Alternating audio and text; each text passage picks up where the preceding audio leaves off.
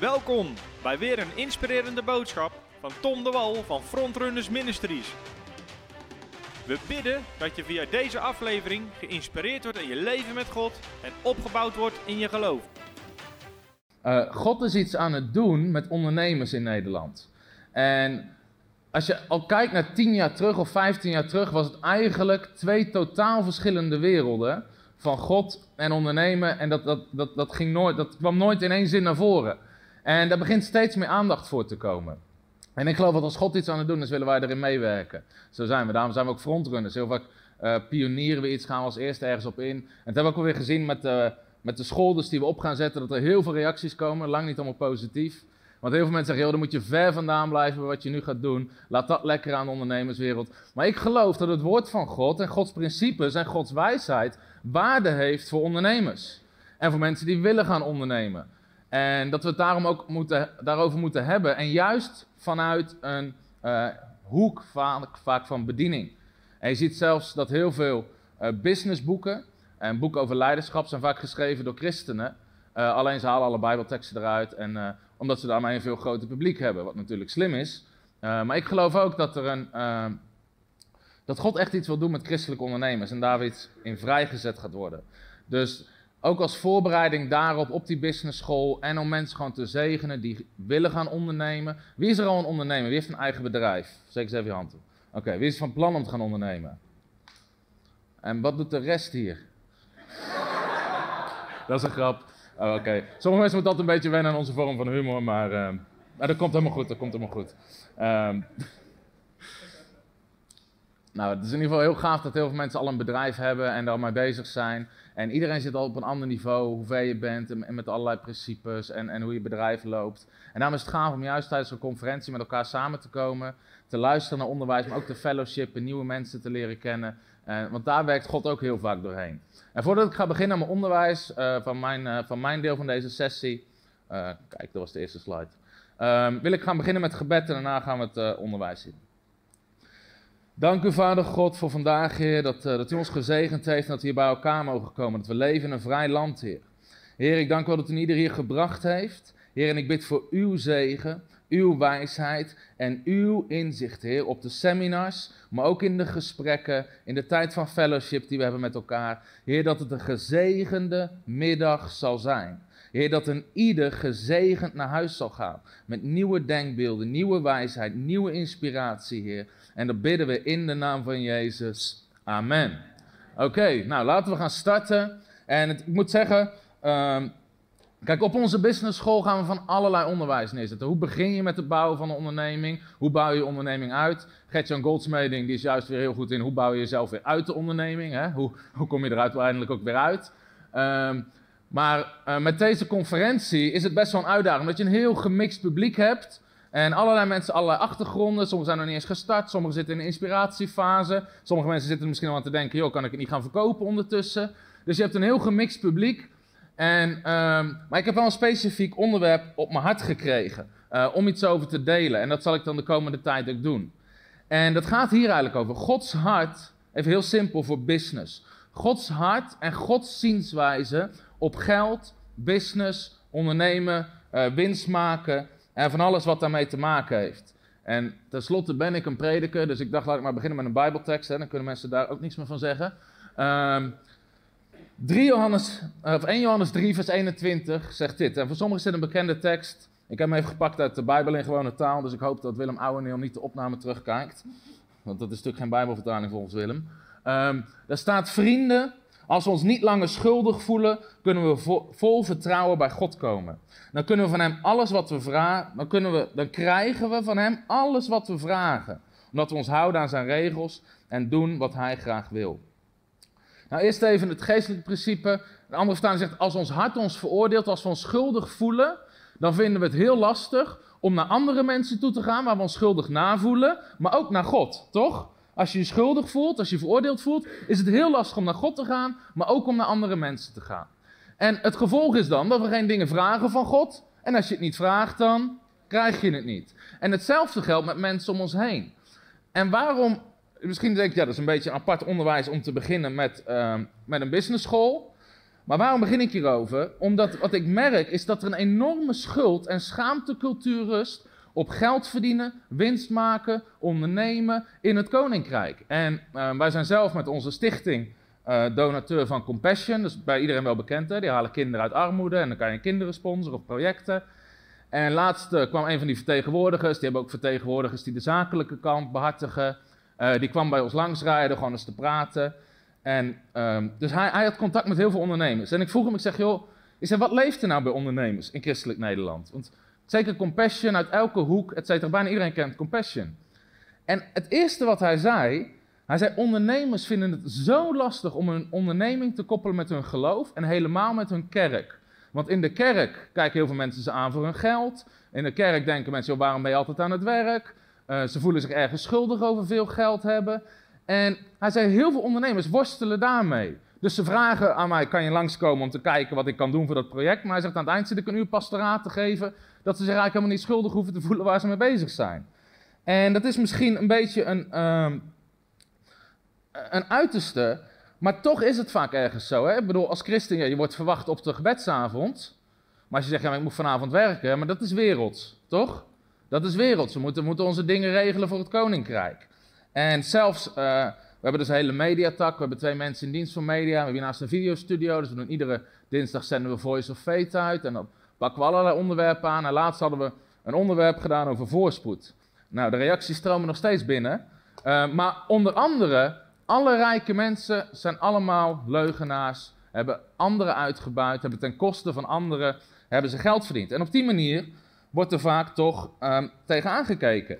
En niet alleen uh, dat is puur dan even uh, de christelijke ondernemers, onbegrepen, ondergewaardeerd, lastig om te delen over de druk, de moeilijkheden, de uitdagingen die ze ervaren. Wie heeft er mensen in dienst hier? Ja, een aantal. Dat kan best wel druk opleveren en allerlei lastige keuzes, of er moet heel veel gedaan worden. En dat vinden ze heel lastig om met anderen te delen. Uh, en soms hebben ze gezegd, ja, maar ik, ik word puur gewaardeerd vanwege mijn geld. Ik zal niet vragen wie dat herkent, maar uh, maar daar worden ze toch vaak op aangekeken. En zelfs wij als bediening, hè, wij zijn een stichting, hebben we dat dan omdat onze stichting is gezegend. We hebben, we hebben dit jaar we hebben dit gebouw, we hebben mensen in dienst, et cetera. Maar ik merk ook heel veel benaderen ons puur omdat ze geld willen. En als dat met ons al is, dan hoor je dat van ondernemers vaak nog honderd keer meer is. En dit is puur de. Um, en inderdaad, ondernemen is veel minder belangrijk dan geestelijke zaken. En zelfs buiten de kerk, de seculiere wereld, um, zie je dit heel vaak. Hè? Hoe vaak is er niet kritiek op directeuren met hoge salarissen of mensen die goed verdienen? Toch? Gewoon op het journaal, et cetera, uitbuiting, et cetera. En bedrijven lijken de boeman van de samenleving. Als je nou alleen al kijkt hoe de agrarische sector wordt aangepakt, hoe de bouwsector wordt aangepakt. Heel Nederland gaat naar de knoppen, zogenaamd door stikstof. En, weet je, en de ondernemers die hebben het gedaan. En de files zijn door allerlei bedrijven met vrachtwagens.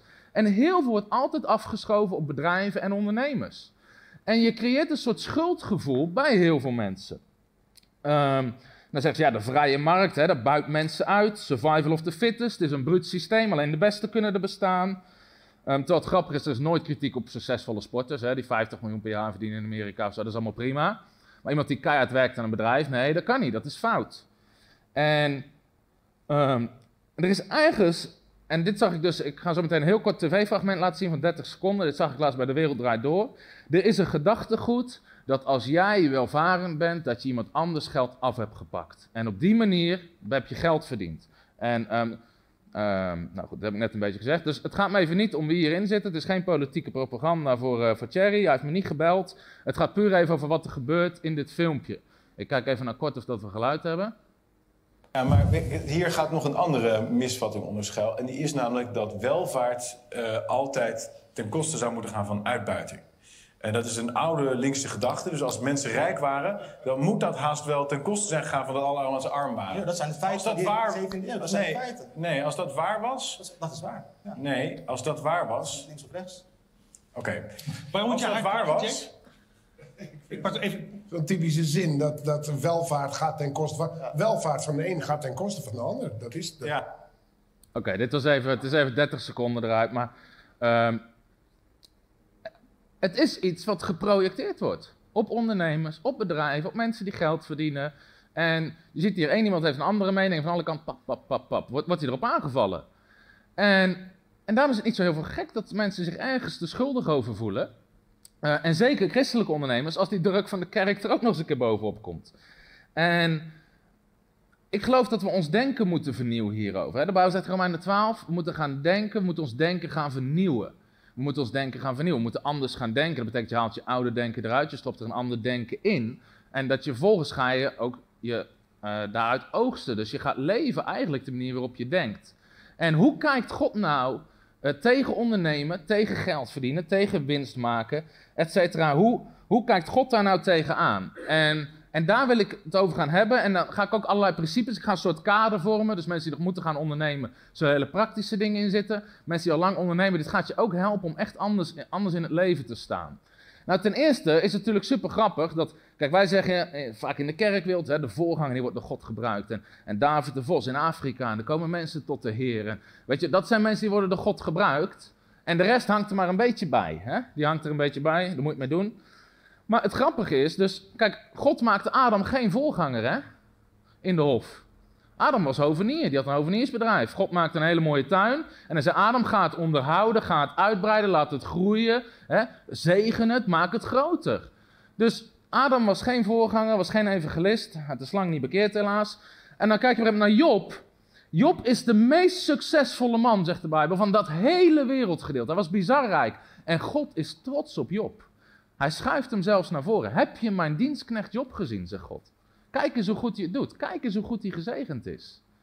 En dan zie je al dat God, zeker in het Oude Testament, maar ook in het Nieuwe Testament, heel veel met ondernemers samenwerkt. Die krijgen tenminste iets gedaan. Dat lukt heel veel kerken niet, maar dat is weer een andere preek. Um, ik hoop niet dat heel veel voorgangers dit terugkijken. Um, en anders hoop ik dat ze de hele sessie kijken. Dan hoop ik dan krijgen ze door waar ik het over heb. Abraham de Bijbel zegt in Romeinen 4, Abraham is de vader van alle gelovigen en we moeten in zijn voetstappen wandelen. En God riep niet Abraham, zei Abraham, ik heb een kerk voor je en dan moet je dominee worden. Nee, God zegt, laat alles achter je, ik zegen je. En Abraham was een hele succesvolle zakenman in de vee-industrie. Alles wat hij deed werd vermenigvuldigd, mensen waren jaloers op hem, dus dat hoort er soms gewoon bij. Maar de Bijbel zegt, de zegen van Abraham is op ons leven. Abraham was een hele succesvolle zakenman. En alles wat hij aanraakte veranderde in goud, zou je kunnen zeggen. En Isaac, Jacob, allemaal hetzelfde verhaal. Jozef werd gebruikt om enorme organisaties te leiden. Het is het huis van Potifar, daarnaast de gevangenis. En daarna gebruikt God om een heel land te besturen. Vermogen te verzamelen, het goed uit te delen. En het zijn allemaal geen voorgangers. En zeg ja, dat is het Oude Testament. Uh, maar zelfs koning Salomo, God zegt tegen Salomo, ik ga je rijk maken. Maar dat geld kwam niet uit de hemel regenen. Als je leest wat Salomo deed, hij legde handelsroutes aan. Hij begon export, import, allerlei handel was hij aan het regelen. En um, naar het hart van God. En uiteindelijk week hij af. Maar, um, en zelfs de grootste apostel van het Nieuwe Testament, Paulus, was een zakenman. Want Paulus had een bedrijf wat tenten maken, leerbewerkte, zodat hij zegt, joh, ik heb niemand anders nodig. Hij heeft geen gemeente nodig die hem uitnodigt en hem geld geeft. Hij stond helemaal vrij. En daarom was hij zo'n sterke apostel. Want hij zegt, ja, ik ga toch niet naar de heiden, ik ga toch niet naar ongelovigen. En dan denken ze dat ik dit voor mijn werk doe. Dus dan plant hij een mooie kerk, iedereen geeft zijn tiende, dat is mijn werk. Hij zegt, zo wil ik niet dat ze over het evangelie denken. Dus Paulus was ontzettend gezegend. Dat is weer heel ander onderwijs, maar Jezus was niet arm. Hey, ja, hoeveel weten dat Jezus arm was? Jezus was niet arm. Hij had, hij had een penningmeester, had iemand die overal het geld ging. Nou, als je 3 euro hebt, heb je dan niet nodig hoor. Dat kan je ze zelf vertellen. En bovendien zegt de Bijbel dat Judas, die was een dief. Dus die stal eruit. Nou, die andere discipelen hebben dat niet gemerkt, want ze hadden overal al ruzie over. Als ze dat hadden gemerkt, was het helemaal chaos. Als je 3 euro hebt en er zijn er twee weg, dan valt het op. Ze hebben niks doorgehad. Weet je, er zijn zoveel. Jezus had een eigen huis, zegt de Bijbel drie keer. Hij had gewoon een huis. Hij heeft 30 jaar een timmermansbedrijf geleid. Weet je, hij had een dure mantel aan toen hij gekruisigd werd. En op een gegeven moment gaat Judas hem verraden. En dan zeggen de discipelen, waar gaat Judas heen? Hij zal wel weer geld weg aan het geven zijn aan de armen. Als Jezus zelf arm was, kon hij dat niet. En er zit zo'n raar denken. Ik las laatst een boek over een theoloog over armoede en rijkdom in de Bijbel. En zijn conclusie was, geef ons heden ons dagelijks brood. En dat is alles waar je mag vragen. En je moet geven aan de armen. Ik dacht, dat kan helemaal niet. Als jij alleen jouw dagelijkse brood hebt, hoe kan je dan een zegen zijn? Maar er zit zo'n raar denken daarover. En God gebruikt dus allerlei uh, ondernemers.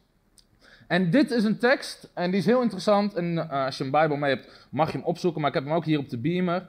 Over hoe Jezus kijkt naar geld verdienen naar ondernemen, naar winst maken, naar gebruik maken van rente. En het is een, een van de meest bekende gelijkenissen uit de Bijbel.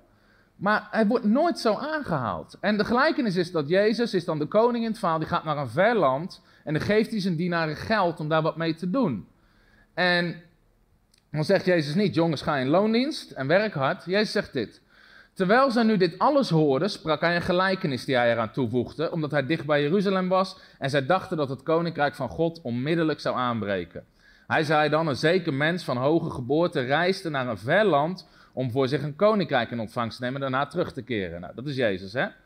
Hij riep zijn tien dienaren bij zich, dat representeert ons. Hij gaf ze tien ponden geld en hij zei, doe zaken totdat ik terugkom. Hij zegt niet, neem een baan totdat ik terugkom. Hij zegt, doe daarmee zaken tot ik terugkom. En zoals ik doe business. En zijn burgers haatten hem en stuurden hem een gezantschap om te zeggen, wij willen niet dat deze man koning over ons zal zijn. En het gebeurde toen hij teruggekomen was, nadat hij het koninkrijk in ontvangst genomen had, dat hij zei dat men die dienaren, aan wie hij het geld gegeven had, bij hem zou roepen om te weten wat een ieder met zaken doen aan winst gemaakt had. Toen verscheen de eerste en zei: Heer, uw pond heeft tien ponden winst opgeleverd. En hij zei tegen hem: Jongen, jongen, dat je niet moet doen, dat is heel fout. Hij zei: Goed gedaan, trouwe dienstknecht. Ik heb je geld gegeven, je hebt de winst meegemaakt, je hebt de zaken meegedaan. Goed gedaan. Nou, de tweede komt, et cetera. En die doet er niks mee. Of de derde doet er niks mee. Dan ga ik even vanaf vers 23. Waarom hebt u mijn geld dan niet bij de bank in bewaring gegeven? Zegt Jezus tegen degene die er niks mee doet. Waarom heb je het niet op zijn minst op de bank gezet? Want dan zou ik het met mijn komst met rente kunnen opeisen. Dus Jezus dacht in rentesystemen. Hij dacht in renderen. En hij zei tegen hen die bij hem stonden: Neem dat pond van hem af en geef hem aan degene die al tien ponden heeft. En zei de Heer, maar hij heeft al tien ponden. Maar Jezus zegt, en ieder die heeft zal gegeven worden, maar die niks heeft zal ook van hem afgenomen worden. Nou, Jezus was geen socialist, maar dat is een andere preek. Um, alles eerlijk verdelen? Nee hoor. Um, nou, wat leren we hieruit? Even gewoon een aantal lessen. De gelijkenis gaat overduidelijk over Jezus. En die weggaat, maar in de tussentijd wil hij zijn dienstknechten geld toevertrouwen. En Matthäus 25, die noemt het een talent goud. Als je dat gaat kijken hoeveel dat was, was één talent, was er omgerekend een miljoen euro. Een miljoen. Dus degene met vijf talent gaf Jezus vijf miljoen euro. Wie weet dat Jezus niet veel geeft. Nou, als jij een miljoen niet veel vindt, dan kan je dat toepassen. Maar Jezus geeft ze een miljoen. En dan zegt hij, ga daarmee ondernemen. Doe business. Ga er iets mee doen. Dus de opdracht van Jezus is om te ondernemen. En dan vraagt hij, hoeveel winst heb je gemaakt ermee? En nogmaals, dit is een parabel over de wederkomst van Jezus. En daar ga ik straks nog wel weer wat over zeggen. Maar als Jezus, vraagt, als Jezus terugkomt, vraagt hij: Heb je de hongerige gevoed? Heb je de naakte gekleed? Nou, een van de dingen die hij vraagt is: Heb je een bedrijf gestart? Heb je winst gemaakt? Oké, ik, ik hoor het gewoon switchen. Maar dat is goed. En dan zegt hij degene, degene die het meeste winst heeft gedaan, goed gedaan. En geen winst, niet goed gedaan. Waarom maak je geen gebruik van rentesysteem? Waarom heb je niet leren hoe je moet renderen? En wie goed doet, krijgt nog veel meer. Dat is de gelijkenis van Jezus. En waarschijnlijk heb je deze gelijkenis nooit zo gelezen of gepreekt hoort te worden. Maar het is overduidelijk hoe Jezus aankijkt tegen geld. En dat is niet zo heel gek, want Jezus is een Jood. Hij woont in jou. De perfecte Jood die woont in jou, die weet hoe hij geld moet verdienen, oké? Ja? Dat is een bemoediging alweer. ik, ik sprak een, eh, een, een, man en die was van Joodse komaf en hij moest ook spreken op een conferentie. Hij zei, uh, hij, overal was hij over aan het onderhandelen, over zijn hotelprijs. Ik denk, joh, boek gewoon een kamer. Nee hoor, korting, eten. Hij zegt, weet je waarom God heiden heeft gemaakt? Ik zeg, nee. Hij zegt, iemand moet de volle prijs betalen.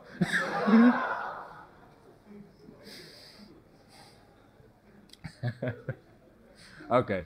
Ehm, nou, deze heb je misschien wel zien staan in, in onze business folder. Maar de Joden die zijn buitenproportioneel succesvol en gezegend. 0,02% van de wereldbevolking is Joods. In Duitsland hebben 85%, uh, eh, hebben de Joden 85% van de succesvolle bedrijven in handen. De Forbes 400, 400 rijkste mensen bedrijf van Amerika. In Amerika is 2% Joods. Als je het omrekent, zouden er 6 tot 8 van die lijst Joods moeten zijn. In plaats daarvan zijn er bijna 100 van de 400 Joods. Is 25% Joods. Uh, de Nobelprijs voor de wetenschap meer dan 35% Joods. In bijna iedere industrie zijn Joden meer voorspoedig uh, dan andere groepen. En hoe kan het dan dat wij er als christenen zo anders over denken dan de Joden? De Joden zijn er heilig van overtuigd dat God wil dat ze succesvol zijn, dat ze ondernemen, dat ze geld verdienen. En wij als christenen, nee, nee, broer, dat is werelds. Jezus was een Jood, hij denkt op die manier na. En de Joden zijn er heilig van overtuigd. En dat is logisch, als je kijkt naar, naar, naar wat de Bijbel zegt, dat staat zo vaak, God wil je voorspoedig maken, God wil je zegenen, God wil dat je vermenigvuldigt. En wat nieuw is voor sommige mensen, maar God is niet failliet gegaan tussen Malachi en Matthäus. Hij heeft geen slechte investering gemaakt, alles gekelderd. Ja, nou kan het er het Nieuwe Testament niet meer vanaf. Nee, de Bijbel zegt zelfs, wij hebben een beter verbond met betere beloften. De zegen van Abraham, waar zij in geloven dat ze voorspoedig zijn, is op ons gekomen door Christus Jezus. Dus wij moeten ons denken hier heel erg in gaan vernieuwen. En sommige mensen weet je, die blazen heel hard op een shofar om meer met de Joden te identificeren. Je kan beter bedrijven starten en gaan doen wat ze doen. Oké.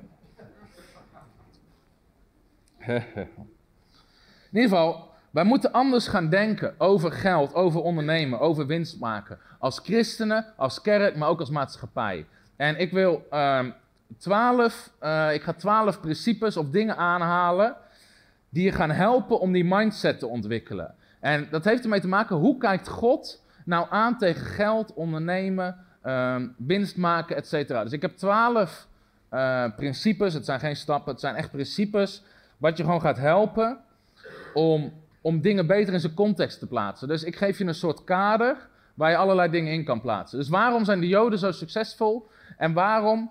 Um, en hoe kijkt God er dan tegenaan? Dus twaalf principes over geld, ondernemen en God die je helpen om je niet langer schuldig te voelen over. Want die Joden voelen zich er niet schuldig over hoor. Dat ze, die, die, die bieden hun excuses er niet voor aan. Dus zij denken er heel anders over.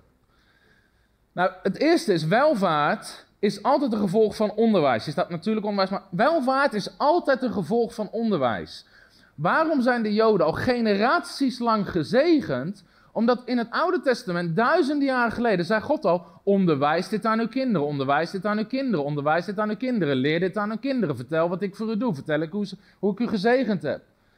En er ligt zo'n nadruk in het Oude Testament op het onderwijs en opvoeden van kinderen.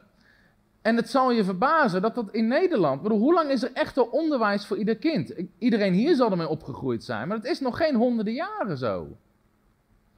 En de Joden die leggen heel veel nadruk op onderwijs, want ze weten dat wijsheid brengt zilver en goud, zegt de Bijbel.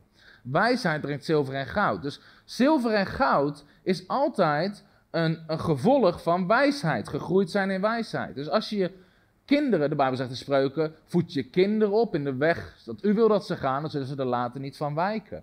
De Joden zijn er heilig van overtuigd dat God ze voorspoedig wil hebben, dus ze leren hoe, ze, hoe kinderen voorspoedig kunnen zijn. En daarom geloof ik ook dat het belangrijk is dat in de kerk hier weer veel meer onderwijs over komt. Dat ik geloof dat God veel meer mensen roept om te gaan ondernemen en iets te gaan doen. Alleen heel veel mensen doen het niet omdat ze een bepaalde angst hebben of gewoon onwetendheid. Want als je niet in een ondernemersgezin bent opgevoed, wat voor heel veel mensen zo is, is het heel lastig vaak om daar stappen in te gaan zetten. Want wat je vertelt, dat is risico's, gevaarlijk, doe maar normaal, doe maar gek genoeg. je kan gewoon solliciteren, wachten op je pensioen en alles komt goed. En je leven is voorbij. Er wordt er niet bij gezegd, maar goed. Weet je, het wordt heel veilig, kaders, et cetera. Terwijl dat is niet de manier waarop God er tegenaan kijkt. En dat, dat loopt alweer een ander principe, maar dat, dat komen we straks wel op. Maar je bent geen eigenaar ervan. En zo denken de Joden er ook over. Daar kom ik straks nog wel op terug. Maar um, daarom geloof ik dat het heel belangrijk is dat in de kerk en door dit soort conferenties en door businessscholen, dat er weer onderwijs komt, zodat mensen kunnen gaan ondernemen. En dus welvaart is altijd een gevolg van kennis. Van kennis. Dus soms vragen mensen, waar moet je beginnen met investeren? Hier moet je beginnen met investeren. Je moet altijd beginnen te investeren in je eigen welvaart en je eigen kennis. Daarom zijn inbrekers altijd arm, want ze nemen nooit de boekenkast mee. Ze gaan er vandoor met de televisie en dan zitten ze, weet ik veel wat, te kijken. RTL of zo, Boulevard, heet dat? RTL Show News of wat is het? En, maar dan word, weet je, en dan heb je de maand daarna weer een andere televisie nodig of weer iets anders. Weet je, er is nog nooit iemand ingebroken die zegt, shit, ze hebben heel de boekenkast meegenomen. Terwijl als ze dat zouden doen, dan hoeven ze de keer daarna niet meer in te breken. Maar het begint altijd hier. Het begint altijd hier. Dus waar moet je beginnen te investeren? Altijd hier. Wat je weet zorgt er altijd voor dat je of geld kan verdienen of dat het van je afstoot. En ik zag laatst een, een ik zat een documentaire te kijken met een. Uh, en ik heb dit op onze part-time Bijbelschool uh, verteld. Maar dat ging over een man uh, in, in, in het Verenigde Koninkrijk in Engeland. En die was multimiljonair en hij was helemaal financieel vrij. Dus of dat hij nou werkte of niet, er bleef geld binnenkomen. En iemand daagde hem uit en die zei: Joh, we nemen alles van je af, we pakken alles weg van je. En we laten je ergens anders, aan de andere kant van Engeland, helemaal opnieuw beginnen. Waar niemand je kent. Je krijgt alleen een laptop, telefoon, 500 euro om te starten. En dan gingen ze kijken hoe snel die man weer financieel vrij was. Hoe snel die weer miljonair was. Nou, hoe lang denk je dat het duurde? Zeven dagen. Zeven dagen. Welvaart is nooit een gevolg van geluk. Het was niet geluk. Het was kennis, het was wijsheid, het was inzicht, het was principes toepassen. Dus welvaart en zegen is nooit een gevolg van geluk.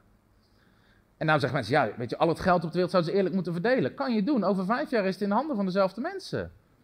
Dat is echt zo, want die weten hoe ze eraan moeten komen, hoe ze het moeten verzamelen, hoe ze het moeten vermenigvuldigen. De rest die geeft het uit, zij ontvangen het en je bent er weer. Zo werkt het, ja.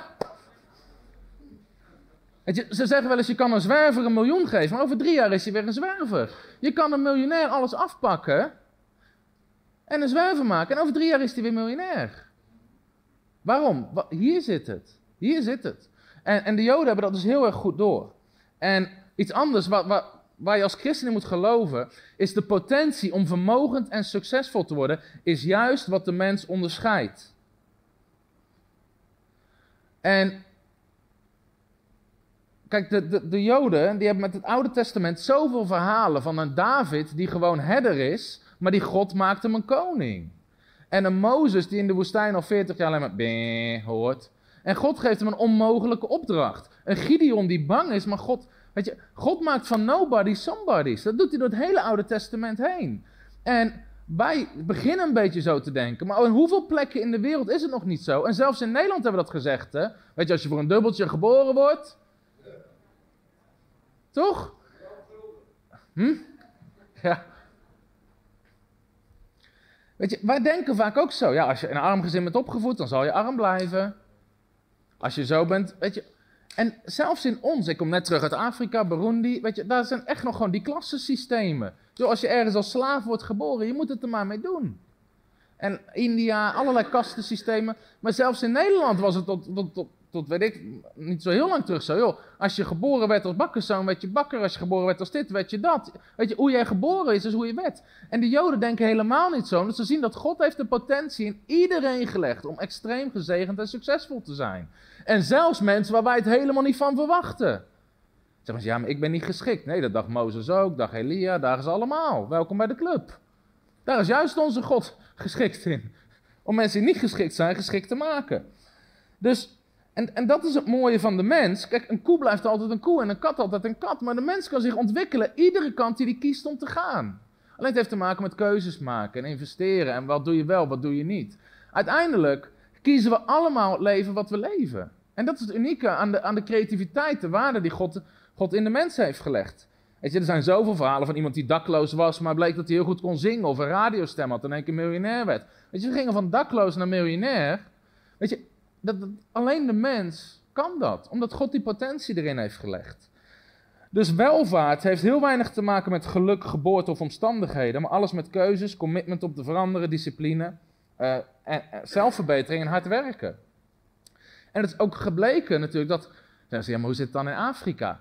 Afrika heeft geen geldprobleem. Afrika heeft een cultuurprobleem. En dat is echt zo. En ik kom, er, ik kom er zelf.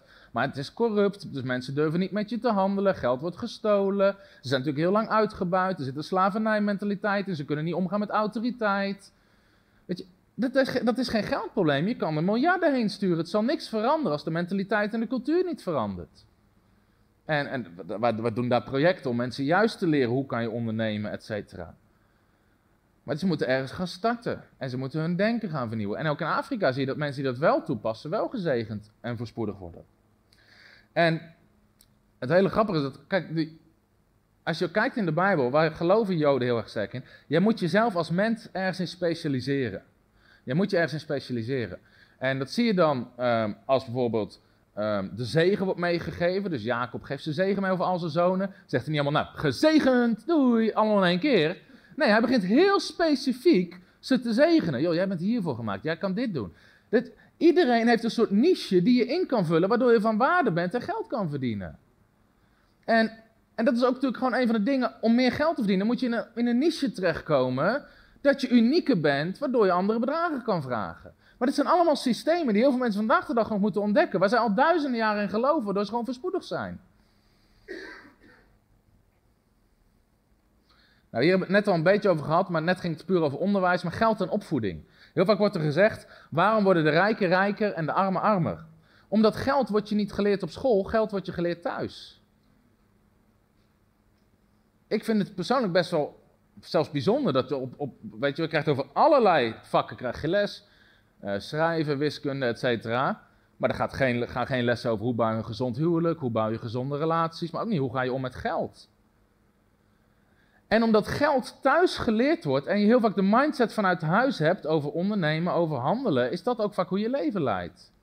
Dus waarom worden de rijken rijker en de armen armer? Heeft met twee dingen te maken. Maar één daarvan is gewoon hoe jij omgaat met geld, heb je heel vaak thuis geleerd. Dus als je ouders vaak welvarend waren en ondernemend waren, dan leerden ze jou dat ook en dan volgde je te leven. Maar als je ouders arm zijn, het enige wat je ziet is armoede, geld uitgeven, financiële problemen. Heel vaak gaat het van generaties op generaties door. En dan hebben we goed nieuws met het evangelie. Want we zijn een nieuwe generatie, we zijn een nieuwe schepping. Christus is in ons komen wonen. Je hoeft niet meer te leven naar je, oude, hoe je ouders en je familie, et cetera. Weet je, de Bijbel zegt, we zijn allemaal kinderen van Abraham geworden. En die wisten hoe die het moest doen hoor. En zijn zegen is op je leven.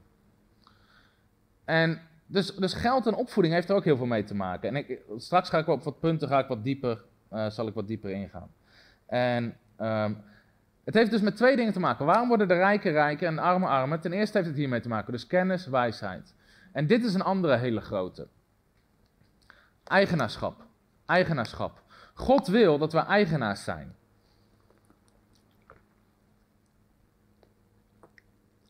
Ik heb even een gedeelte gepakt van Genesis 1, vers 26. En God zei: Laten wij mensen maken naar ons beeld, naar onze gelijkenis. En laten zij heersen. Laten zij heerschappij worden. Laten ze eigenaar zijn. God maakte Adam en Eva eigenaar over de hof. Dat was hun gebied wat hij ze toevertrouwde. Daarom zegt de Bijbel: de hemel is van de Heer, maar de aarde heeft hij aan de mensen gegeven. En er staat zo vaak oproep in de Bijbel om te heersen. En dat denken we vaak aan met negatieve dingen. Maar het betekent gewoon, wees eigenaar, pak verantwoordelijkheid, trek dingen naar je toe. En uh, de Joden geloven heel erg sterk in eigenaarschap. En wij zouden dat ook moeten doen. Omdat alles waar jij eigenaar over bent, kan God jou zegenen. Waar jij geen eigenaar over bent, kan God jou niet mee zegenen. En een heel groot probleem wat we gewoon hebben, is een gebrek aan eigenaarschap. Dus, kijk dat ik mijn whiteboard kan keren, ja.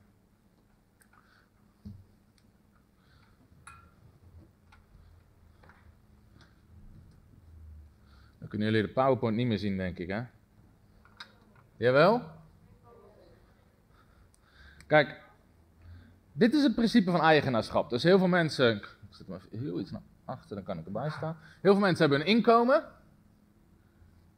En ik heb geen goede stift. Heel veel mensen hebben een inkomen. En dit is even een model van, dus als je geen eigenaar bent, dus uit loondienst.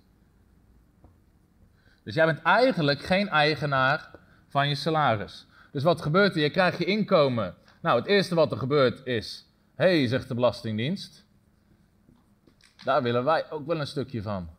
En in Nederland is dat niet mals. Dus de eerste waar het geld naartoe gaat, is naar de Belastingdienst. Nou, daarnaast woon je in een huis. Dus zegt de bank: Hé, hey, wacht eens eventjes, je hebt een hypotheek. Die moet je betalen. Oh, hypotheek. Dus daar gaat een stuk. Gaat daar naartoe. Dus het eerste ben je kwijt aan de Belastingdienst, je bent een stuk kwijt aan de hypotheek.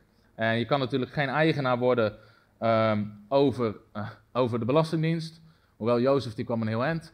Ehm, nou, vervolgens, eigenlijk als je je inkomen krijgt, jouw werkgever, eh, laat ik even jouw baas of het bedrijf, die heb jij eigenlijk altijd meer gegeven, doe even meer, dan wat hij jou betaald heeft. Wat is logisch, want anders zou je ontslagen worden. Dus hij heeft meer aan jou verdiend dan jij hebt gekregen. Toch? Oké, dan ehm, nou, moet je boodschappen doen, je moet van alles kopen. Dus je gaat naar allerlei bedrijven voor je inkomen of voor je inkopen. Je hebt boodschappen nodig, je hebt een auto nodig, je hebt allerlei dingen nodig. En dan onderaan de streep, nou misschien dat er een dupje overblijft. Dit is hoe heel veel mensen leven. Ze krijgen hun geld, er een deel gaat naar de belasting. Je hebt je baas rijk gemaakt, je hebt de bank rijk gemaakt. Je moet boodschappen doen, je maakt de eigenaar van Albert Heijn rijk. Uh, je moet tanken, je maakt de eigenaar van benzinestation rijk. En aan het eind, ja, ja, ik snap ook niet waarom iedereen rijker is. Nou, dat komt omdat jij niks beheert. Je bent geen eigenaar. Dus alles waar jij geen eigenaar over bent, dat stoot geld van je af in plaats van dat het geld naar je toe trekt. En dus je moet altijd kijken, hoe kan ik over zoveel mogelijk dingen eigenaar zijn? Dus als je, ik zeg niet dat je je huis af moet betalen, dat is een heel ander ding qua rente en rendement. Maar stel dat je je bank eruit hebt gewerkt, dat zal een hele hoop schelen. De Belastingdienst zou ik niet proberen. Ehm, maar stel dat jij de baas bent, dan gaat dat meer gedeelte naar jou toe. En stel nou dat jij, dan heb je altijd een bedrijf in iets, dus mensen komen bij jou dingen kopen. Dus in één keer vanuit dat het van vier dingen wegstroomt, stroomt het in drie gevallen gewoon naar je toe.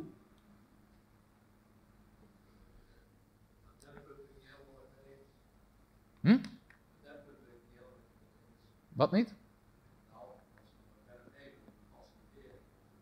Ja, daar ga ik zo meteen over hebben. Daar kom ik zo meteen op. Dit is even het punt van eigenaarschap. Dus ik kom, zo meteen op een ander punt, Erik. Ik zeg niet dat dit uh, ik zeg ook helemaal niet dat het fout is om werknemers zijn of in loon zitten, dat is helemaal niet het punt. Maar de Joden snappen wel dat ze eigenaar moeten zijn. Dus heel vaak vertikken ze het om iets te huren. Want ze weten, we brengen geld weg naar een ander, het komt niet naar ons. Waar halen ze dat vandaan? Deuteronomium 28. Als de Heer je zegent, zal je uitlenen, maar niet hoeven te lenen. Dus heel veel Joden hebben een eigen bedrijf, want er komt er geld naar hen toe. Dus op allerlei manieren zorgen ze voor eigenaarschap in hun leven. Waarom? Eigenaarschap zorgt voor zegen. En ik ga het zo meteen over de andere kant hebben. Uh, tussen 1993 en 2010 ging meer dan 50% van de toenames in inkomen naar de 1% rijkste mensen. Dus in bijna 20 jaar ging de helft van al het vermogen er aan de wereld is toegenomen naar 1% van de rijkste mensen. Ja, dat is niet eerlijk, zeggen mensen, maar dat komt omdat ze eigenaars zijn. Daar stroomt het naartoe.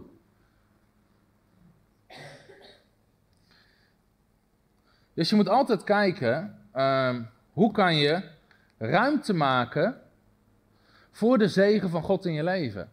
En daarom geloof ik dat ondernemerschap een bijbels model is, want jij bent eigenaar. En de zegen stroomt naar jou toe. En God wil dat zijn kinderen gezegend zijn. En dus de, de mate van zegen, zegen staat in verband met de mate van ruimte die jij maakt voor God om je te zegenen. En ik geloof heel sterk in het feit dat, weet je, we spreken in de kerk over zaaien en oogsten, meer over zaaien dan over oogsten. Maar heel veel mensen weten niet hoe ze moeten oogsten.